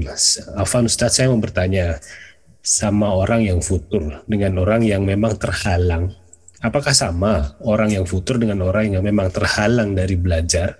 Karena misalnya kondisi seorang ibu yang harus mengurus anak-anaknya yang masih kecil, yang 90% mengurus rumah sendiri dengan waktu yang sangat sedikit dan cukup lelah. Apakah ini termasuk futur? Kemudian kiat-kiat apa agar tidak futur saat menuntut ilmu? Ustaz Baik, barakallahu fiikum. Uh, perlu kita ketahui bahwa yang Allah wajibkan untuk kita pelajari tidaklah banyak. Yang Allah wajibkan untuk kita pelajari tidaklah banyak. Sehingga kalau hanya untuk mem, untuk mempelajari ilmu-ilmu wajib. Wajib yang saya maksud adalah fardu ain. Wajib yang saya maksud adalah fardu ain. Maka seorang ibu yang tadi ditanyakan walaupun 90% waktunya habis untuk kewajibannya sebagai seorang ibu rumah tangga, sebagai seorang istri dan sebagai seorang ibu untuk anak-anaknya, mengurus rumah tangganya, maka 10% daripada sisa waktu yang dia miliki itu pun sudah cukup untuk mempelajari fardu ain daripada ilmu syariat. Untuk mempelajari ilmu syariat yang fardu ain. Dengan itu kita mengetahui bahwa Nabi SAW mengatakan inna dina yusrun. Agama ini genteng. Agama ini mudah. Agama ini tidak sulit. Ilmu agama, ilmu din yang sifatnya fardu fardu ain itu sedikit. Sedikit sekali. Ilmu tentang akidah yang menyamakan dari syirik, dari kufur dan kemunafikan, dan ilmu tentang ibadah wajib yang akan Anda lakukan, sekiranya Anda wajib sholat, pelajari ilmu tentang sholat, wajib puasa, pelajari ilmu tentang puasa. Ketika Anda memiliki harta, bagaimana cara mengeluarkan zakat, pelajari itu. Ketika Anda akan berhaji atau berumroh, pelajari ketika akan berhaji berumroh itu bagaimana cara berhaji dan berumroh yang benar. Lihat tidak banyak. Dan kemudian pekerjaan harian Anda, ketahui mana yang halal dan mana yang haram. Tidak banyak. Sehingga seperti yang tadi kalau ditanyakan, sekiranya wanita tersebut hanya punya 10% waktunya ya, untuk bisa dimanfaatkannya untuk menimba ilmu agama karena kesibukannya yang luar biasa dalam menjalankan kewajibannya sebagai seorang istri dan sebagai seorang ibu dan itu pun ibadah sebenarnya. Kewajiban yang mengurus rumah tangganya tersebut adalah ibadah seorang wanita. Maka yang 10% itu sebenarnya cukup kalau untuk mempelajari ilmu agama yang yang yang wajib wajibnya adalah wajib untuk setiap individu atau fardu ain dalam istilah syariat. Adapun untuk mendalami lebih jauh ya itu semua tidaklah fardu ain. Dan itu diwajibkan kepada sekelompok kaum muslimin yang tidak diwajibkan kepada yang lainnya, tidak diwajibkan secara universal oleh agama Allah tabar oleh Allah tabar dalam agamanya. Maka sekiranya itu yang memang terjadi, maka wanita ini bukanlah futur. Bukanlah futur. Yang futur itu orang tidak mau belajar ilmu agama. dan tidak ada semangat dalam belajar ilmu agama, bahkan ingin tidak tahu dibanding tahu. Atau yang lebih lebih lebih dekatnya lagi adalah orang yang awalnya semangat, kemudian dia hilangkan hilang semangatnya tersebut dan dia kembali ke masa lalunya. Itu yang lebih cocok dengan kalimat futur. Wallahu taala alam. Nah. Yang kedua tadi Ustaz berkaitan dengan kiat-kiat agar tidak futur saat menuntut ilmu. Uh, di antara kiat-kiat untuk tidak futur adalah pertama memaksa diri untuk hadir di majelis ilmu. Harus ada memaksakan diri. Karena menghadiri majelis ilmu itu penuh godaan. Dan memaksakan diri untuk mendengarkan tausiah dari ahli dari dari dari para ustadz, dari para ahli ilmu yang yang di zaman kita sekarang sangat mudah untuk didapatkan. Dan berteman dengan orang-orang saleh. Dan di zaman kita sekarang, wallahu taala alam, saya sangat menganjurkan untuk memiliki buku dan membelinya. Dan kita letakkan di rumah kita.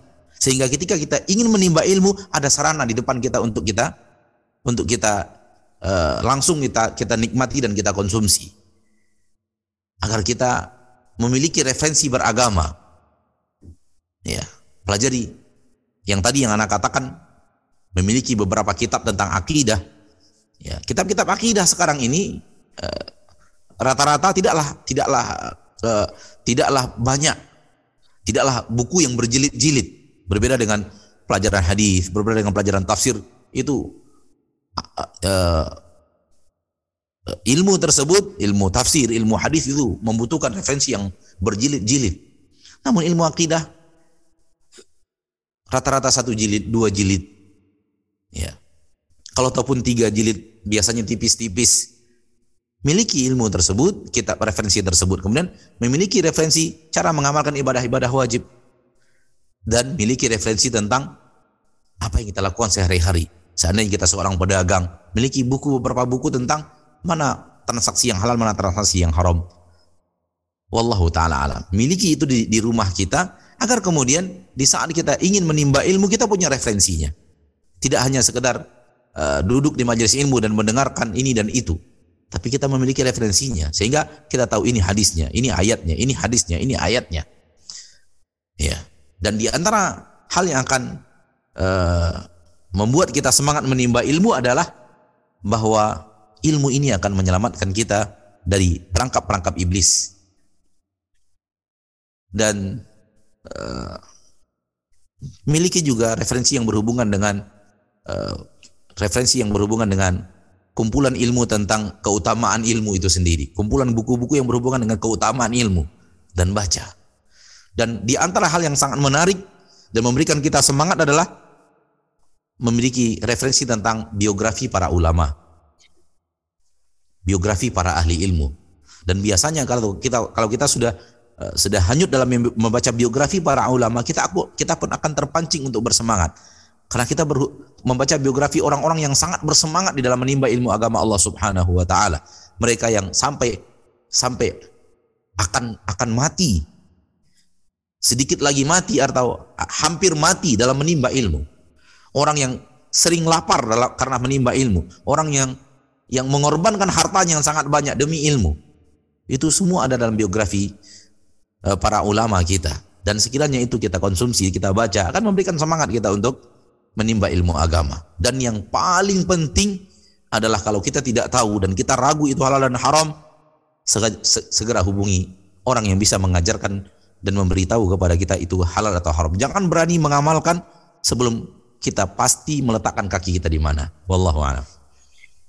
Jazakallahu khairan barakallahu Masih ada waktu Ustaz Mauludi? Nah, silakan. Baik. Baik, kesempatan selanjutnya kami berikan kepada yang resen. Silahkan Ibu Neneng Umur Rizki. Tafadol. Silahkan di-unmute. Assalamualaikum Ustaz. Waalaikumsalam warahmatullahi Ana mau tanya, uh, ilmu itu tidak didapat dengan hati yang kotor. Maksudnya berarti ilmu itu uh, maksudnya uh, didapat dengan hati yang bersih mohon Ustadz dijelaskan maksudnya gimana gitu loh Ustadz dengan hati yang bersih dan hati yang kotor itu berarti ilmu tidak akan didapat. Karena pernah ada kajian seperti itu tapi mohon dijelaskan lagi Ustadz. Dan yang pertama itu satu, yang kedua boleh Ustadz Ana mau tanya bagaimana cara mendakwahkan pada orang yang awan dan apa yang harus Ana dakwahkan gitu Ustadz. Jazakallah Pertanyaan yang kedua apa Bu? Maaf, pertanyaan yang kedua tadi apa? Uh, yang kedua itu bagaimana cara mendakwahkan pada yang masih awam Ustadz? Ya. Cara mendakwahkan ilmu. Cara mendakwahkannya dan apa yang harus Anda dakwahkan dulu supaya dia tertarik gitu. Baik. Di samping Anda berdoa supaya orang itu bisa menerima gitu. Mohon uh, penjelasannya Ustadz. Baik. Mohon kiat-kiatnya gitu ya. Jazakallah Ustadz. Baik. Uh, yang pertama, yang kedua, yang pertama hilang apa tadi? Ilmu yang didapat dengan hati yang bersih gitu. Ustaz. Ya, ilmu yang dapat dari hati yang bersih. Baik, barakallahu fiik. Uh, ilmu manakala uh, bicara ilmu itu terbagi dua. Pertama, ilmu secara teori. Ilmu secara teori. Dan kedua, ilmu yang sampai ke dalam hati ilmu yang sampai ke dalam hati. Boleh jadi ada orang yang secara teori ilmu dia tahu. Tetapi hanya sebatas teori. Dan ilmu tersebut tidak masuk ke dalam hatinya. Siapa contohnya? Contohnya adalah eh, orang yang kita sampaikan hadisnya tadi dari dari Soe dari dari Nabi SAW riwayat Imam Bukhari yang Allah azab di neraka dia adalah orang yang ahli ilmu secara teori. Namun bukan ilmu yang masuk ke dalam hatinya. Nah, secara agama dia pelajari, dia tahu ini boleh, tapi dia dia langgar. Dia tahu ini diperintahkan Allah, namun tidak dia kerjakan. Dia tahu ini adalah kewajiban, namun dia tidak lakukan. Dia tahu itu adalah hal yang diharamkan Allah, lalu dia kerjakan. Ini ilmu secara teori. Dan ini ilmu ini bisa saja didapatkan oleh pelaku maksiat. Bisa saja didapatkan oleh oleh orang yang hatinya penuh dengan kemaksiatan. Hatinya tidak bersih, bisa. Ilmu secara teori. Namun pembicaraan ulama bahwa ilmu tidak didapatkan kecuali oleh hati yang bersih adalah ilmu yang sampai ke dalam hati. Sehingga mempengaruhi hati menjadi hati orang yang beriman dan hati orang yang beriman akan mempengaruhi amal perbuatan untuk mengamalkan ilmu tersebut. Jadi bahasan para ulama dalam pertanyaan pertanyaan ibu tadi adalah ilmu yang mempengaruhi hati manusia. Itu tidak akan bisa kecuali hati yang dibawa taat kepada Allah dan Rasulnya. Hati yang tidak diberikan Eh, di, di, di, di, di, dijadikan dia adalah sarang maksiat. Sehingga para ulama mengatakan bahwa hati itu adalah adalah bejananya ilmu. Al-qalb wi'aul ilm. Hati itu adalah bejananya ilmu. Dan ilmu tidak akan masuk kecuali ke dalam bejana yang bersih. Bersih daripada uh, daripada keangkuhan, kesombongan, bersih daripada hasad, bersih daripada mencintai dunia berlebihan daripada mencintai akhirat, bersih dari dari mencintai uh, amal-amal maksiat. Hati yang bersih adalah hati yang membenci maksiat, bukan justru mencintai. Maka ini yang dimaksud dengan uh, ilmu itu tidak didapatkan oleh orang hatinya bersih. Ilmu yang akan mempengaruhi hati dan akan bercokol di hati untuk hati tersebut memerintahkan anggota tubuh mengamalkan ilmu tersebut. Bukan ilmu secara teori. Ilmu secara teori bisa didapatkan oleh orang munafik. Bisa didapatkan oleh orang munafik. Di zaman Umar bin Khattab radhiyallahu taala an, Umar selektif dalam memilih gubernur. Umar selektif dalam memilih gubernur radhiyallahu anhu wa. Artinya dia tidak akan tunjuk seseorang menjadi gubernur kecuali menurut dia orang ini berilmu dan mengamalkan ilmunya. Suatu hari terfikir oleh Umar bin Khattab radhiyallahu anhu untuk bertanya kepada eh, sahibu sirri Rasulullah Hudzaifah bin Yaman radhiyallahu an tempat Rasulullah SAW meletakkan rahasia nama orang-orang munafik dan beliau bertanya kepada Hudzaifah bin Yaman apakah ada di antara wali-waliku di daerah, gubernur dalam bahasa kita sekarang, apakah ada di antara mereka orang munafik? Kata Hudzaifah bin Yaman ada satu orang. Menurut Umar bin Khattab ahli ilmu, ahli ibadah. Ternyata Hudzaifah bin Yaman mengetahui bahwa itu munafik dan namanya termasuk salah satu nama yang disebutkan oleh Rasulullah SAW kepada Hudzaifah bin Yaman sebagai munafik yang akan masuk kekal di neraka dan kekal di neraka untuk selama-lamanya. Kapan ini? ketika ilmu itu hanya teori. Sehingga Umar bin Khattab terpedaya. Karena Umar adalah manusia, tidak tahu yang gaib. Maka maksud ilmu bukanlah yang ini. Bukan ilmu secara teori. Boleh jadi orang menuntut ilmu ke negeri yang sangat jauh. Dan secara teori dia mengetahuinya. Akan tapi secara amalan tidak. Karena hatinya tidak ke, ke arah ilmu tersebut. Maka bersihkan hati daripada penyakit.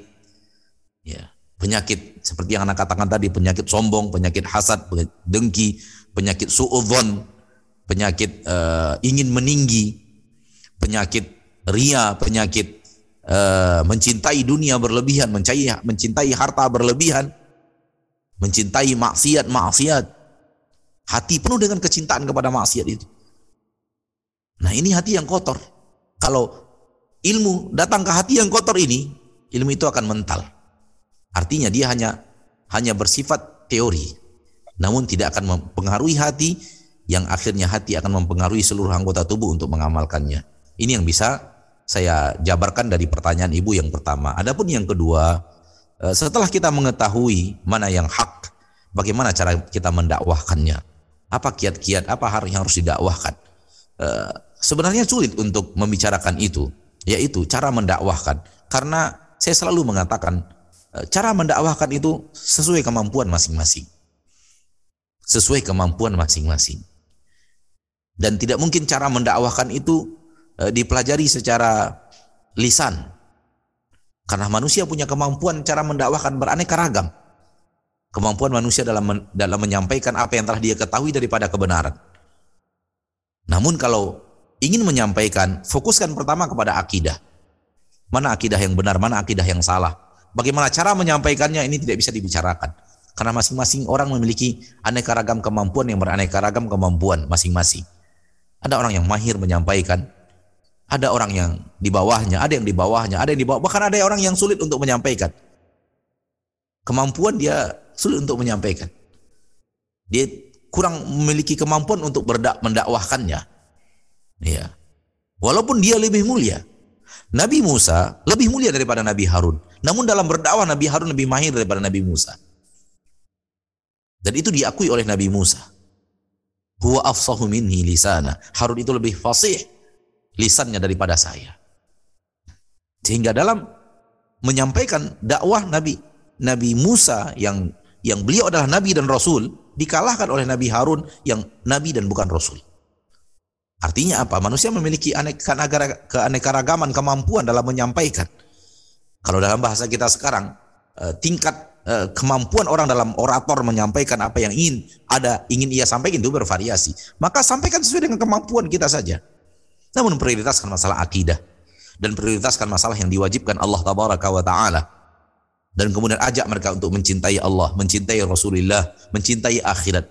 Kalau ini uh, sudah ada di dalam hati mereka dan Allah berikan kepada orang tersebut hidayah ke dalam hatinya untuk melakukan itu melalui dakwah yang kita sampaikan insya Allah akan banyak kebaikan yang kita dapatkan dari orang tersebut banyak kebaikan yang bisa kita lihat dari orang tersebut sekali lagi bagaimana cara mendakwahkan maka uh, caranya tidak bisa disampaikan. Karena saya secara pribadi pun tidak pernah belajar bagaimana cara mendakwahkan. Tidak ada rumus-rumus kita belajar dari para ulama begini cara mendakwahkan. Yang ada adalah rumusnya dahulukan akidah. Dahulukan hal yang diwajibkan oleh Allah. Itu yang Allah Rasulullah sampaikan kepada Mu'ad bin Jabal. Ajak mereka kepada uh, mengesahkan Allah mentauhidkan Allah dan menjauhi sekutu berbuat syirik kepada Allah kalau mereka memenuhi itu ajak mereka untuk sholat lim, uh, fardu lima waktu sehari dan semalam. Kalau mereka mem memenuhi itu, ajak mereka untuk mengeluarkan zakat. Jadi dimulai dari akidah, tauhid, menjauhi syirik, itu yang terpenting. Dan kemudian mengamalkan ibadah-ibadah wajib dan bagaimana cara mengamalkan ibadah wajib. Dan setelah itu uh, dakwahkan apa yang rasanya butuh untuk disampaikan. Wallahu a'lam. Nah. Jazakallahu khair wa barakallahu Ah, kami selanjutnya berikan kesempatan ke yang resen silahkan Abu Muaz. Silahkan di unmute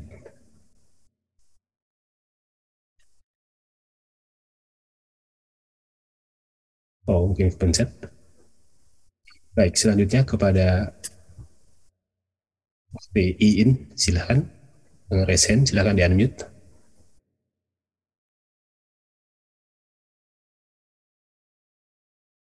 belum ada juga. Kami berikan kesempatan selanjutnya kepada Ibu Ida Rasyad dari oh, Ibu Ida Rasyad dari Swedia, silahkan. Uh, Assalamualaikum warahmatullahi wabarakatuh, Ustaz. Waalaikumsalam warahmatullahi wabarakatuh. Semoga Ustaz selalu dalam lindungan Allah Subhanahu wa taala. Wa iyyak, wa iyyak. Amin ya rabbal alamin. Ustaz, uh, sebentar gimana Ana mau formula gitu ya. Ana uh, alhamdulillah rumah sejak pandemi uh, baru belajar menuntut ilmu syar'i. Seperti tadi Ustaz pernah mengatakan uh, belum tentu uh, ilmu yang kita pelajari dari sekolah itu orang tua itu belum sesuai syar'i gitu. Tapi kadarullah uh, orang tua Ana mengajari ilmu alhamdulillah hampir syar'i bagian besar. Yang Hana ingin tanyakan uh, Anda pernah mendengar kita belajar ilmu itu harus uh, jangan ambil baiknya, buang buruknya. Terus uh, Anda mendapati satu kalau kita belajar dengan uh, guru yang sunnah, terus kita belajar juga dengan guru yang tidak sunnah, gitu Ustaz, uh, gimana itu untuk menanggapinya itu Ustaz? Uh, maksudnya uh, karena berinteraksinya gimana gitu karena uh, semenjak anda belajar dengan guru-guru yang sunnah anda, anda cuma mendengarkan dari guru-guru yang sunnah tapi yang dalam satu grup anda uh, melihat uh, anak kira guru yang sunnah tapi ternyata berba, uh, ada yang perselisihan yang anda ketahui uh, dengan guru sunnah gitu. jadi uh, untuk uh, bagaimana untuk belajar ilmu yang baik menurut Baik. baik. Baik, barakallahu fiik. Uh, memang agak sedikit terputus-putus sampai di kita di Pekanbaru akan tapi semoga bisa saya tangkap pertanyaannya dengan baik. Intinya bertanya tentang uh, kaum muslimin sebahagian mengatakan dan itu juga terlontar dari sebagian ustadz bahwa ketika belajar dengan ustadz mana pun silahkan memperbanyak guru, ambil baiknya, tinggalkan buruknya. Ambil baiknya dan tinggalkan buruknya. Dan kemudian ibu bertanya bagaimana mengaplikasikan itu dalam kehidupan kita. Apakah kita harus belajar dengan ustadz yang kita kenal ustadz sunnah saja? Lalu bagaimana apakah kita boleh duduk di di di, di ustadz yang kita tahu bahwa dia bukan ustadz ustadz mengajarkan sunnah gitu. Lalu kita pakai kaedah tadi, ambil baiknya dan buang buruknya. Uh, kaidah itu untuk diterapkan kepada guru itu tidak benar. Belajarlah kepada guru mana pun, ambil baiknya, buang buruknya. Itu tidaklah benar. Kenapa? Karena ilmu adalah ilmu adalah agama. Ilmu adalah agama. Bagaimana kita beragama tergantung bagaimana kita berilmu. Artinya apa? Kalau ilmu kita benar, agama kita benar. Kalau ilmu kita salah, agama kita salah. Dan ini menunjukkan akan pentingnya kita mencari ilmu yang benar dan berguru kepada guru yang benar. Karena kalau kita sempat berguru salah, maka kita akan berilmu salah berilmu salah, efek negatifnya adalah beragama salah. Apakah kita mau kita beragama salah? Tentu kita tidak mau. Kalau kita tidak mau beragama salah, berarti kita harus berilmu benar. Kalau untuk berilmu benar, maka kita harus pandai memilih guru. Memilih guru harus selektif. Memilih guru harus selektif. Agar guru yang menyampaikan kepada kita ilmu, kita benar-benar selektif dalam memilih guru, agar kemudian ilmu yang disampaikan oleh guru itu ilmu yang benar. Dan ini yang kita ketahui metode para ulama dari zaman tabi'in. Di zaman tabi'in sudah ada orang-orang yang memiliki ilmu yang salah. Ada ahli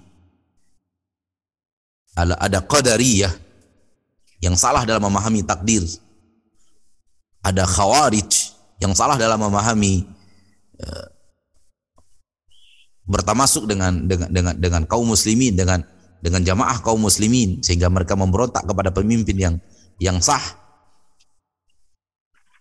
ada aliran-aliran dalam di masa para tabi'in. Dan generasi tabi'in tidak mau sembarangan menimba ilmu.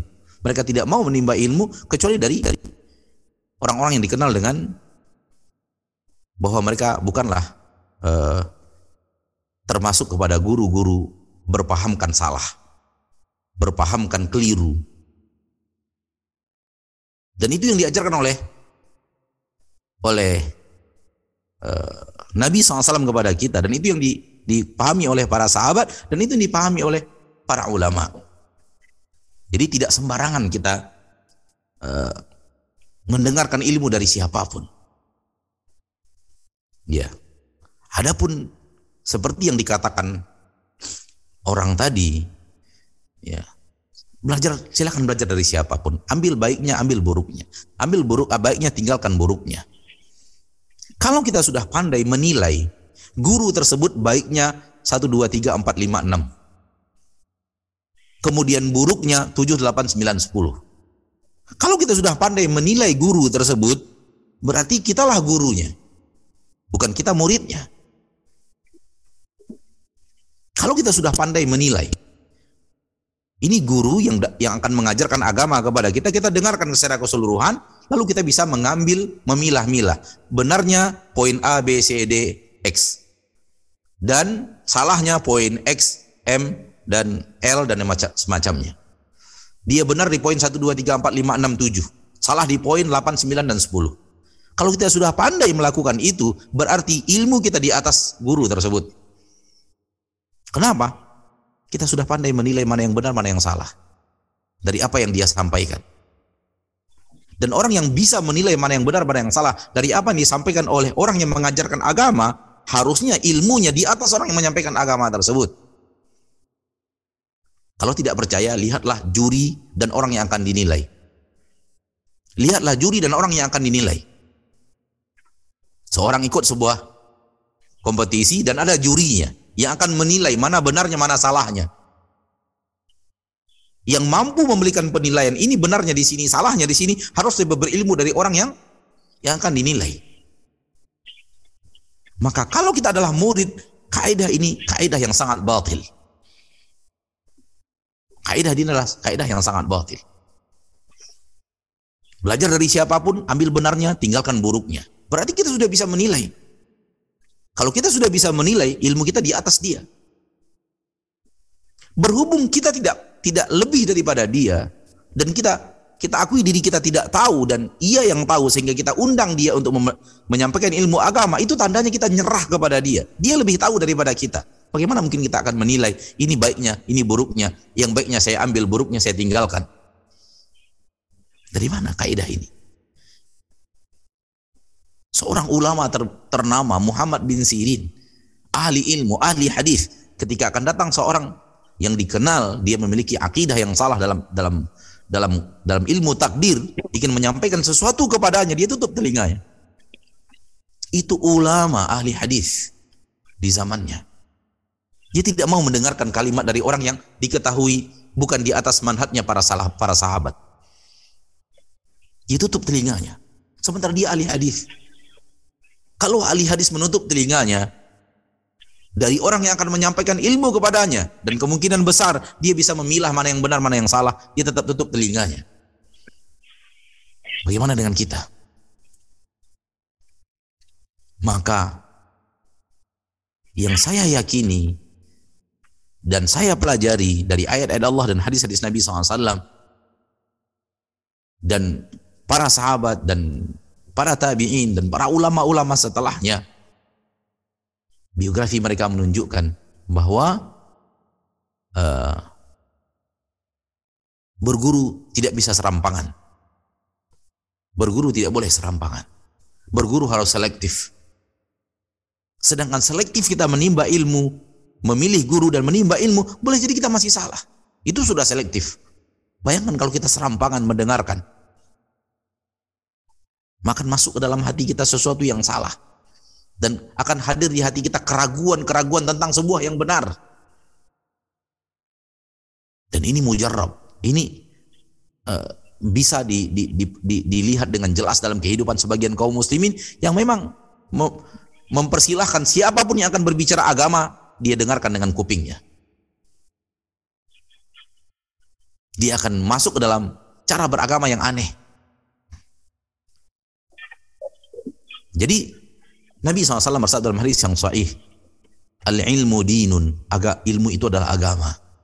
Fanzuru amman ta'khudhu dina amman ta'khuduna dinakum. Maaf, bukan Nabi SAW. Uh, eh, tabi'in, Muhammad bin Sirin. Afwan, salah sebut. Astagfirullahaladzim. Muhammad bin Sirin mengatakan, Al-ilmu dinun. Ilmu itu adalah agama. Ilmu itu adalah agama. Fanzuru amman ta'khuduna dinakum pelaj uh, lihat dari siapa kalian menim men men menimba agama kalian. Dari siapa kalian akan mengambil agama kalian? Ini makna yang saya katakan tadi, makna yang saya katakan tadi selektif dalam memilih guru. Selektif dalam memilih guru. Firman Allah di dalam Allah berfirman di dalam Al-Qur'an, "Fas'alu ahla dzikri." Bertanyalah kepada ahla dzikri. Ahli dzikri adalah para ulama. Para ahli ilmu para orang yang benar-benar mengerti agama. Adapun orang yang dipenuhi dengan pemahaman yang aneh, lalu kita belajar dengannya, berarti dia bukan ahlul ah, ahla dzikr. Ahla dzikr adalah orang benar-benar mengerti syariat Allah Subhanahu wa taala. Ini sekali lagi ya bahwa eh, kalau kita ingin agama kita benar, kita harus dimulai dari menuntut ilmunya benar. Dan untuk menuntut ilmu yang benar, kita harus selektif dalam memilih guru kita. Tidak serampangan dalam memilih guru. Adapun dengarkan dari siapa saja, lalu ambil yang baiknya, tinggalkan yang buruknya. Ini adalah syubhat besar pada zaman sekarang yang membuat banyak kaki terperosok ke dalam jurang yang salah. Wallahu taala a'la wa a'lam. Jazakullah khair Ustaz oh, iya. penjelasannya cukup cukup jelas. Uh, Alhamdulillah Anda memang tidak yang belajar di situ, cuman karena uh, di ada masalah yang uh, guru yang syar'i atau sunnah tapi uh, jangan mengkotak-kotakkan ulama katanya. Jadi makanya itu yang buat anak jadi uh, dan anak kirain anak berada di satu grup yang memang spesial untuk belajar syar'i rupanya masih bercampur. Jadi ketika anak mengatakan uh, setahu anak apakah ini ustadznya ustadz syar'i? Uh, terus uh, dikatakan uh, jangan karena belum dapat label ulama syar'i terus kita nggak bisa belajar dari dia. Nah itu yang membuat anak uh, tidak cocok gitu. Makanya uh, nggak sesuai Ustaz. Makanya anda tanya sama Ustaz gimana untuk Alhamdulillah udah dapat penjelasan Ustaz. Baik. Jazakallah Ibu atas pertanyaannya.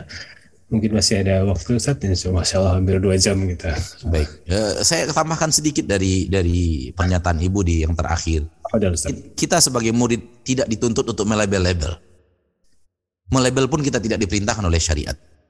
Kita hanya dituntut Belajarlah kepada guru yang kita yakin dia benar-benar mengerti Al-Quran dan hadis dan benar-benar memahami Al-Quran dan hadis sesuai dengan pemahaman para sahabat dan dia berjalan di atas cara yang benar dalam beragama. Bukan melebel-lebel. Ya, adapun melebel-lebel bukan kewajiban kita. Mengotak-ngotak para ulama bukan kewajiban kita. Bahkan itu sebuah kesalahan kita kotak-kotakkan para ulama. Kita hanya ingin menyelamatkan agama kita masing-masing. Saya menyelamatkan agama saya, ibu menyelamatkan agama ibu. Siapa pun di antara kita yang sekarang mendengarkan kajian, kita wajib menjaga agama kita sendiri. Ketika saya ingin mendengarkan ilmu agama dari guru saya, saya selektif dalam memilih. Dan saya tidak serampangan. Saya tidak uh, dengarkan dari orang yang saya tahu bahwa dia bukan seorang yang yang pantas saya dengarkan ilmu agama dari dirinya. Hanya sekedar itu saja untuk menyelamatkan agama saya. Dan kita juga tidak disuruh untuk melebel-lebel, oh ini ustadz, ini ustadz, ini, ini. Jangan bicara itu. Karena itu akan melahirkan perdebatan yang sangat panjang, melahirkan kegaduhan. Kita hanya ingin menyelamatkan agama kita, habis sudah.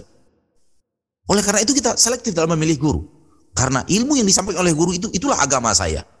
Dengan siapa saya belajar, akan mewarnai bagaimana cara beragama saya. Oleh karena itu saya selektif. Saya hanya ingin memilih orang-orang yang memang direkomendasi. Saya memilih orang-orang yang memang terlihat bahwa dia benar-benar mengetahui dan mengamalkan. Adapun tahu dan kemudian tidak mengamalkan, saya malas belajar dari orang hanya untuk menyelamatkan kita bukan untuk melebel orang lain. Bukan untuk melebel orang lain ya. Jadi hindarkan kita para penuntut ilmu melebel-lebel guru. Hindarkan kita penuntut ilmu melebel-lebel para ulama. Tak ada kewajiban kita dan tidak ada perintah syariat. Yang ada adalah selamatkan agama kita. Allahu alam.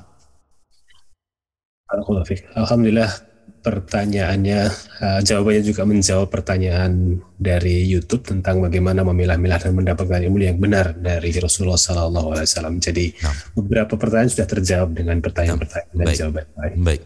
Uh, satu pertanyaan terakhir mungkin? Satu pertanyaan terakhir ya Ustaz. Nah. Uh, Assalamualaikum warahmatullahi wabarakatuh Pak Ustadz. Mohon bertanya. Saya menuntut ilmu dengan lebih banyak membaca terjemahan dan tafsir Al-Quran daripada membaca Uh, karena saya tidak paham bahasa Arab itu sendiri. Dengan demikian saya bisa mendapat ilmu dan menambah iman dan takwa saya insya Allah. Bagaimana tindakan saya Ustadz ini? Sudah bagus, ya, sudah bagus. E, ta kalau tafsir yang dimaksud bukanlah terjemahan. Kalau tafsir yang dimaksud bukanlah terjemahan, itu sudah bagus. Misalnya yang dimaksud dengan tafsir tadi tafsir Imam Ibnu Kathir, misalnya tafsir Imam At-Tabari misalnya. Jadi tafsir daripada uh, Imam As-Sa'di misalnya. Tafsir yang direkomendasi oleh para ahli ilmu bahwa itu tafsir dari ulama-ulama ahlu sunnah sehingga kita yakin telah mengambil ilmu dari ahlu sunnah. Kalau tafsir yang dimaksud adalah tafsir seperti ini, itu sudah bagus walau harus ditambahkan. Walau harus ditambahkan. Namun secara prinsip awal sudah bagus yang saya takutkan tafsir yang dimaksud dalam dalam saudara atau saudari kita yang bertanya dalam pertanyaan tafsir yang dimaksud adalah terjemahan. Kalau hanya terjemahan itu tidak benar. Kenapa? Karena terjemahan itu bisa kita pahami salah. Kita memahami terjemahan Al-Quran bisa salah. Oleh karena itu jangan sampai berani baca terjemahan lalu ambil intisarinya. Karena terkadang itu yang menjebak kita ke dalam keyakinan yang yang aneh. Kenapa? Pegang Al-Quran, baca terjemahannya, ambil intisari. Dan saya sudah menemukan dalam dalam perjalanan dakwah yang tidak terlalu panjang dari usia saya, usia dakwah yang tidak panjang ini, dakwah saya pribadi maksudnya, telah menemukan orang-orang yang mempelajari tafsiran Al-Quran, terjemahan Al-Quran, lalu mengambil intisari dan terjemahan itu saja. Sehingga akhirnya mengkufurkan keluar, mengkafirkan keluarganya. Dan kemudian berlepas diri dari keluarganya. Dan tidak mau menolong keluarganya. Dia hanya menolong orang-orang yang sama-sama belajar dengan dengan dia dalam dalam tafsir tersebut dalam dalam tafsir yang dia maksud tersebut adalah terjemahan Al-Qur'an dan tidak melirik sedikit pun kepada hadis Nabi sallallahu alaihi wasallam. Nah, oleh karena itu saya katakan tadi kalau tafsir yang diisi yang di, di dalam pertanyaan tadi maksudnya adalah tafsir Imam Ibnu Katsir, tafsir Imam At-Tabari, tafsir tafsir Imam uh, uh, Asy-Syanqiti atau tafsir Imam As-Sa'di. Dari situ dia menimba ilmu, maka itu sudah tafsir. Karena para ulama tersebut menerangkan makna ayat. Menerangkan makna ayat. Penjabaran makna ayat itu apa? Adapun kalau yang dimaksud dengan tafsir adalah terjemahan, maka itu hal yang keliru dan salah. Tinggalkan. Ya. Beralih kepada kitab tafsir. Bukan kitab terjemah, bukan Al-Quran terjemahan. Kemudian yang sudah belajar kitab tafsir, saya katakan tadi secara prinsip awal sudah bagus, namun jangan hanya terpaku kepada tafsir saja. Karena tidak semuanya lengkap di dalam tafsir itu. Banyak hal-hal yang di dalam agama kita sifatnya global. Penjabarannya di dalam hadis Nabi. Oleh karena itu Nabi mengatakan SAW, aku tinggalkan kepada kalian dua perkara. Kitabullah dan sunnahku. Kitabullah dan sunnahku. Maka tidak cukup dengan kitabullah saja. Bahkan para ulama mengatakan Al-Quran membutuhkan hadis. Al-Quran membutuhkan hadis.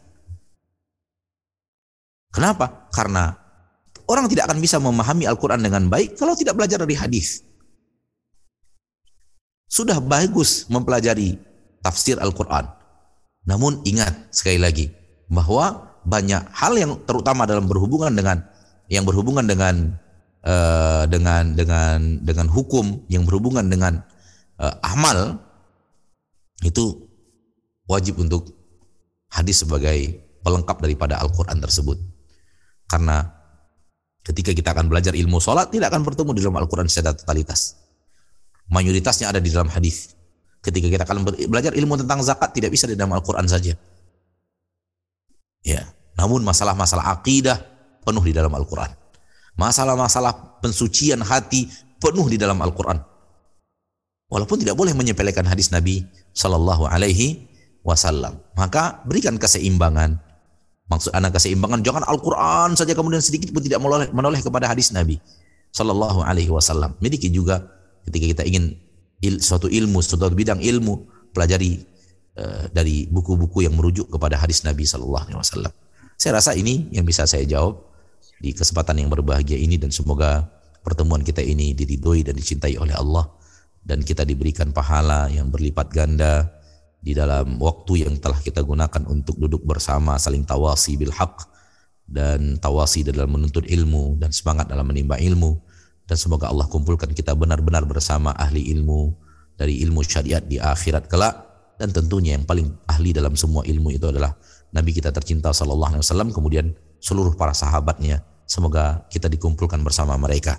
Amin ya rabbal alamin. Subhanakallahumma wa bihamdika asyhadu an la ilaha illa anta astaghfiruka wa atubu ilaik. Wassalamualaikum warahmatullahi wabarakatuh. Irji'i ila rabbiki radiyatan mardiyah fadkhuli fi ibadi وادخلي جنتي.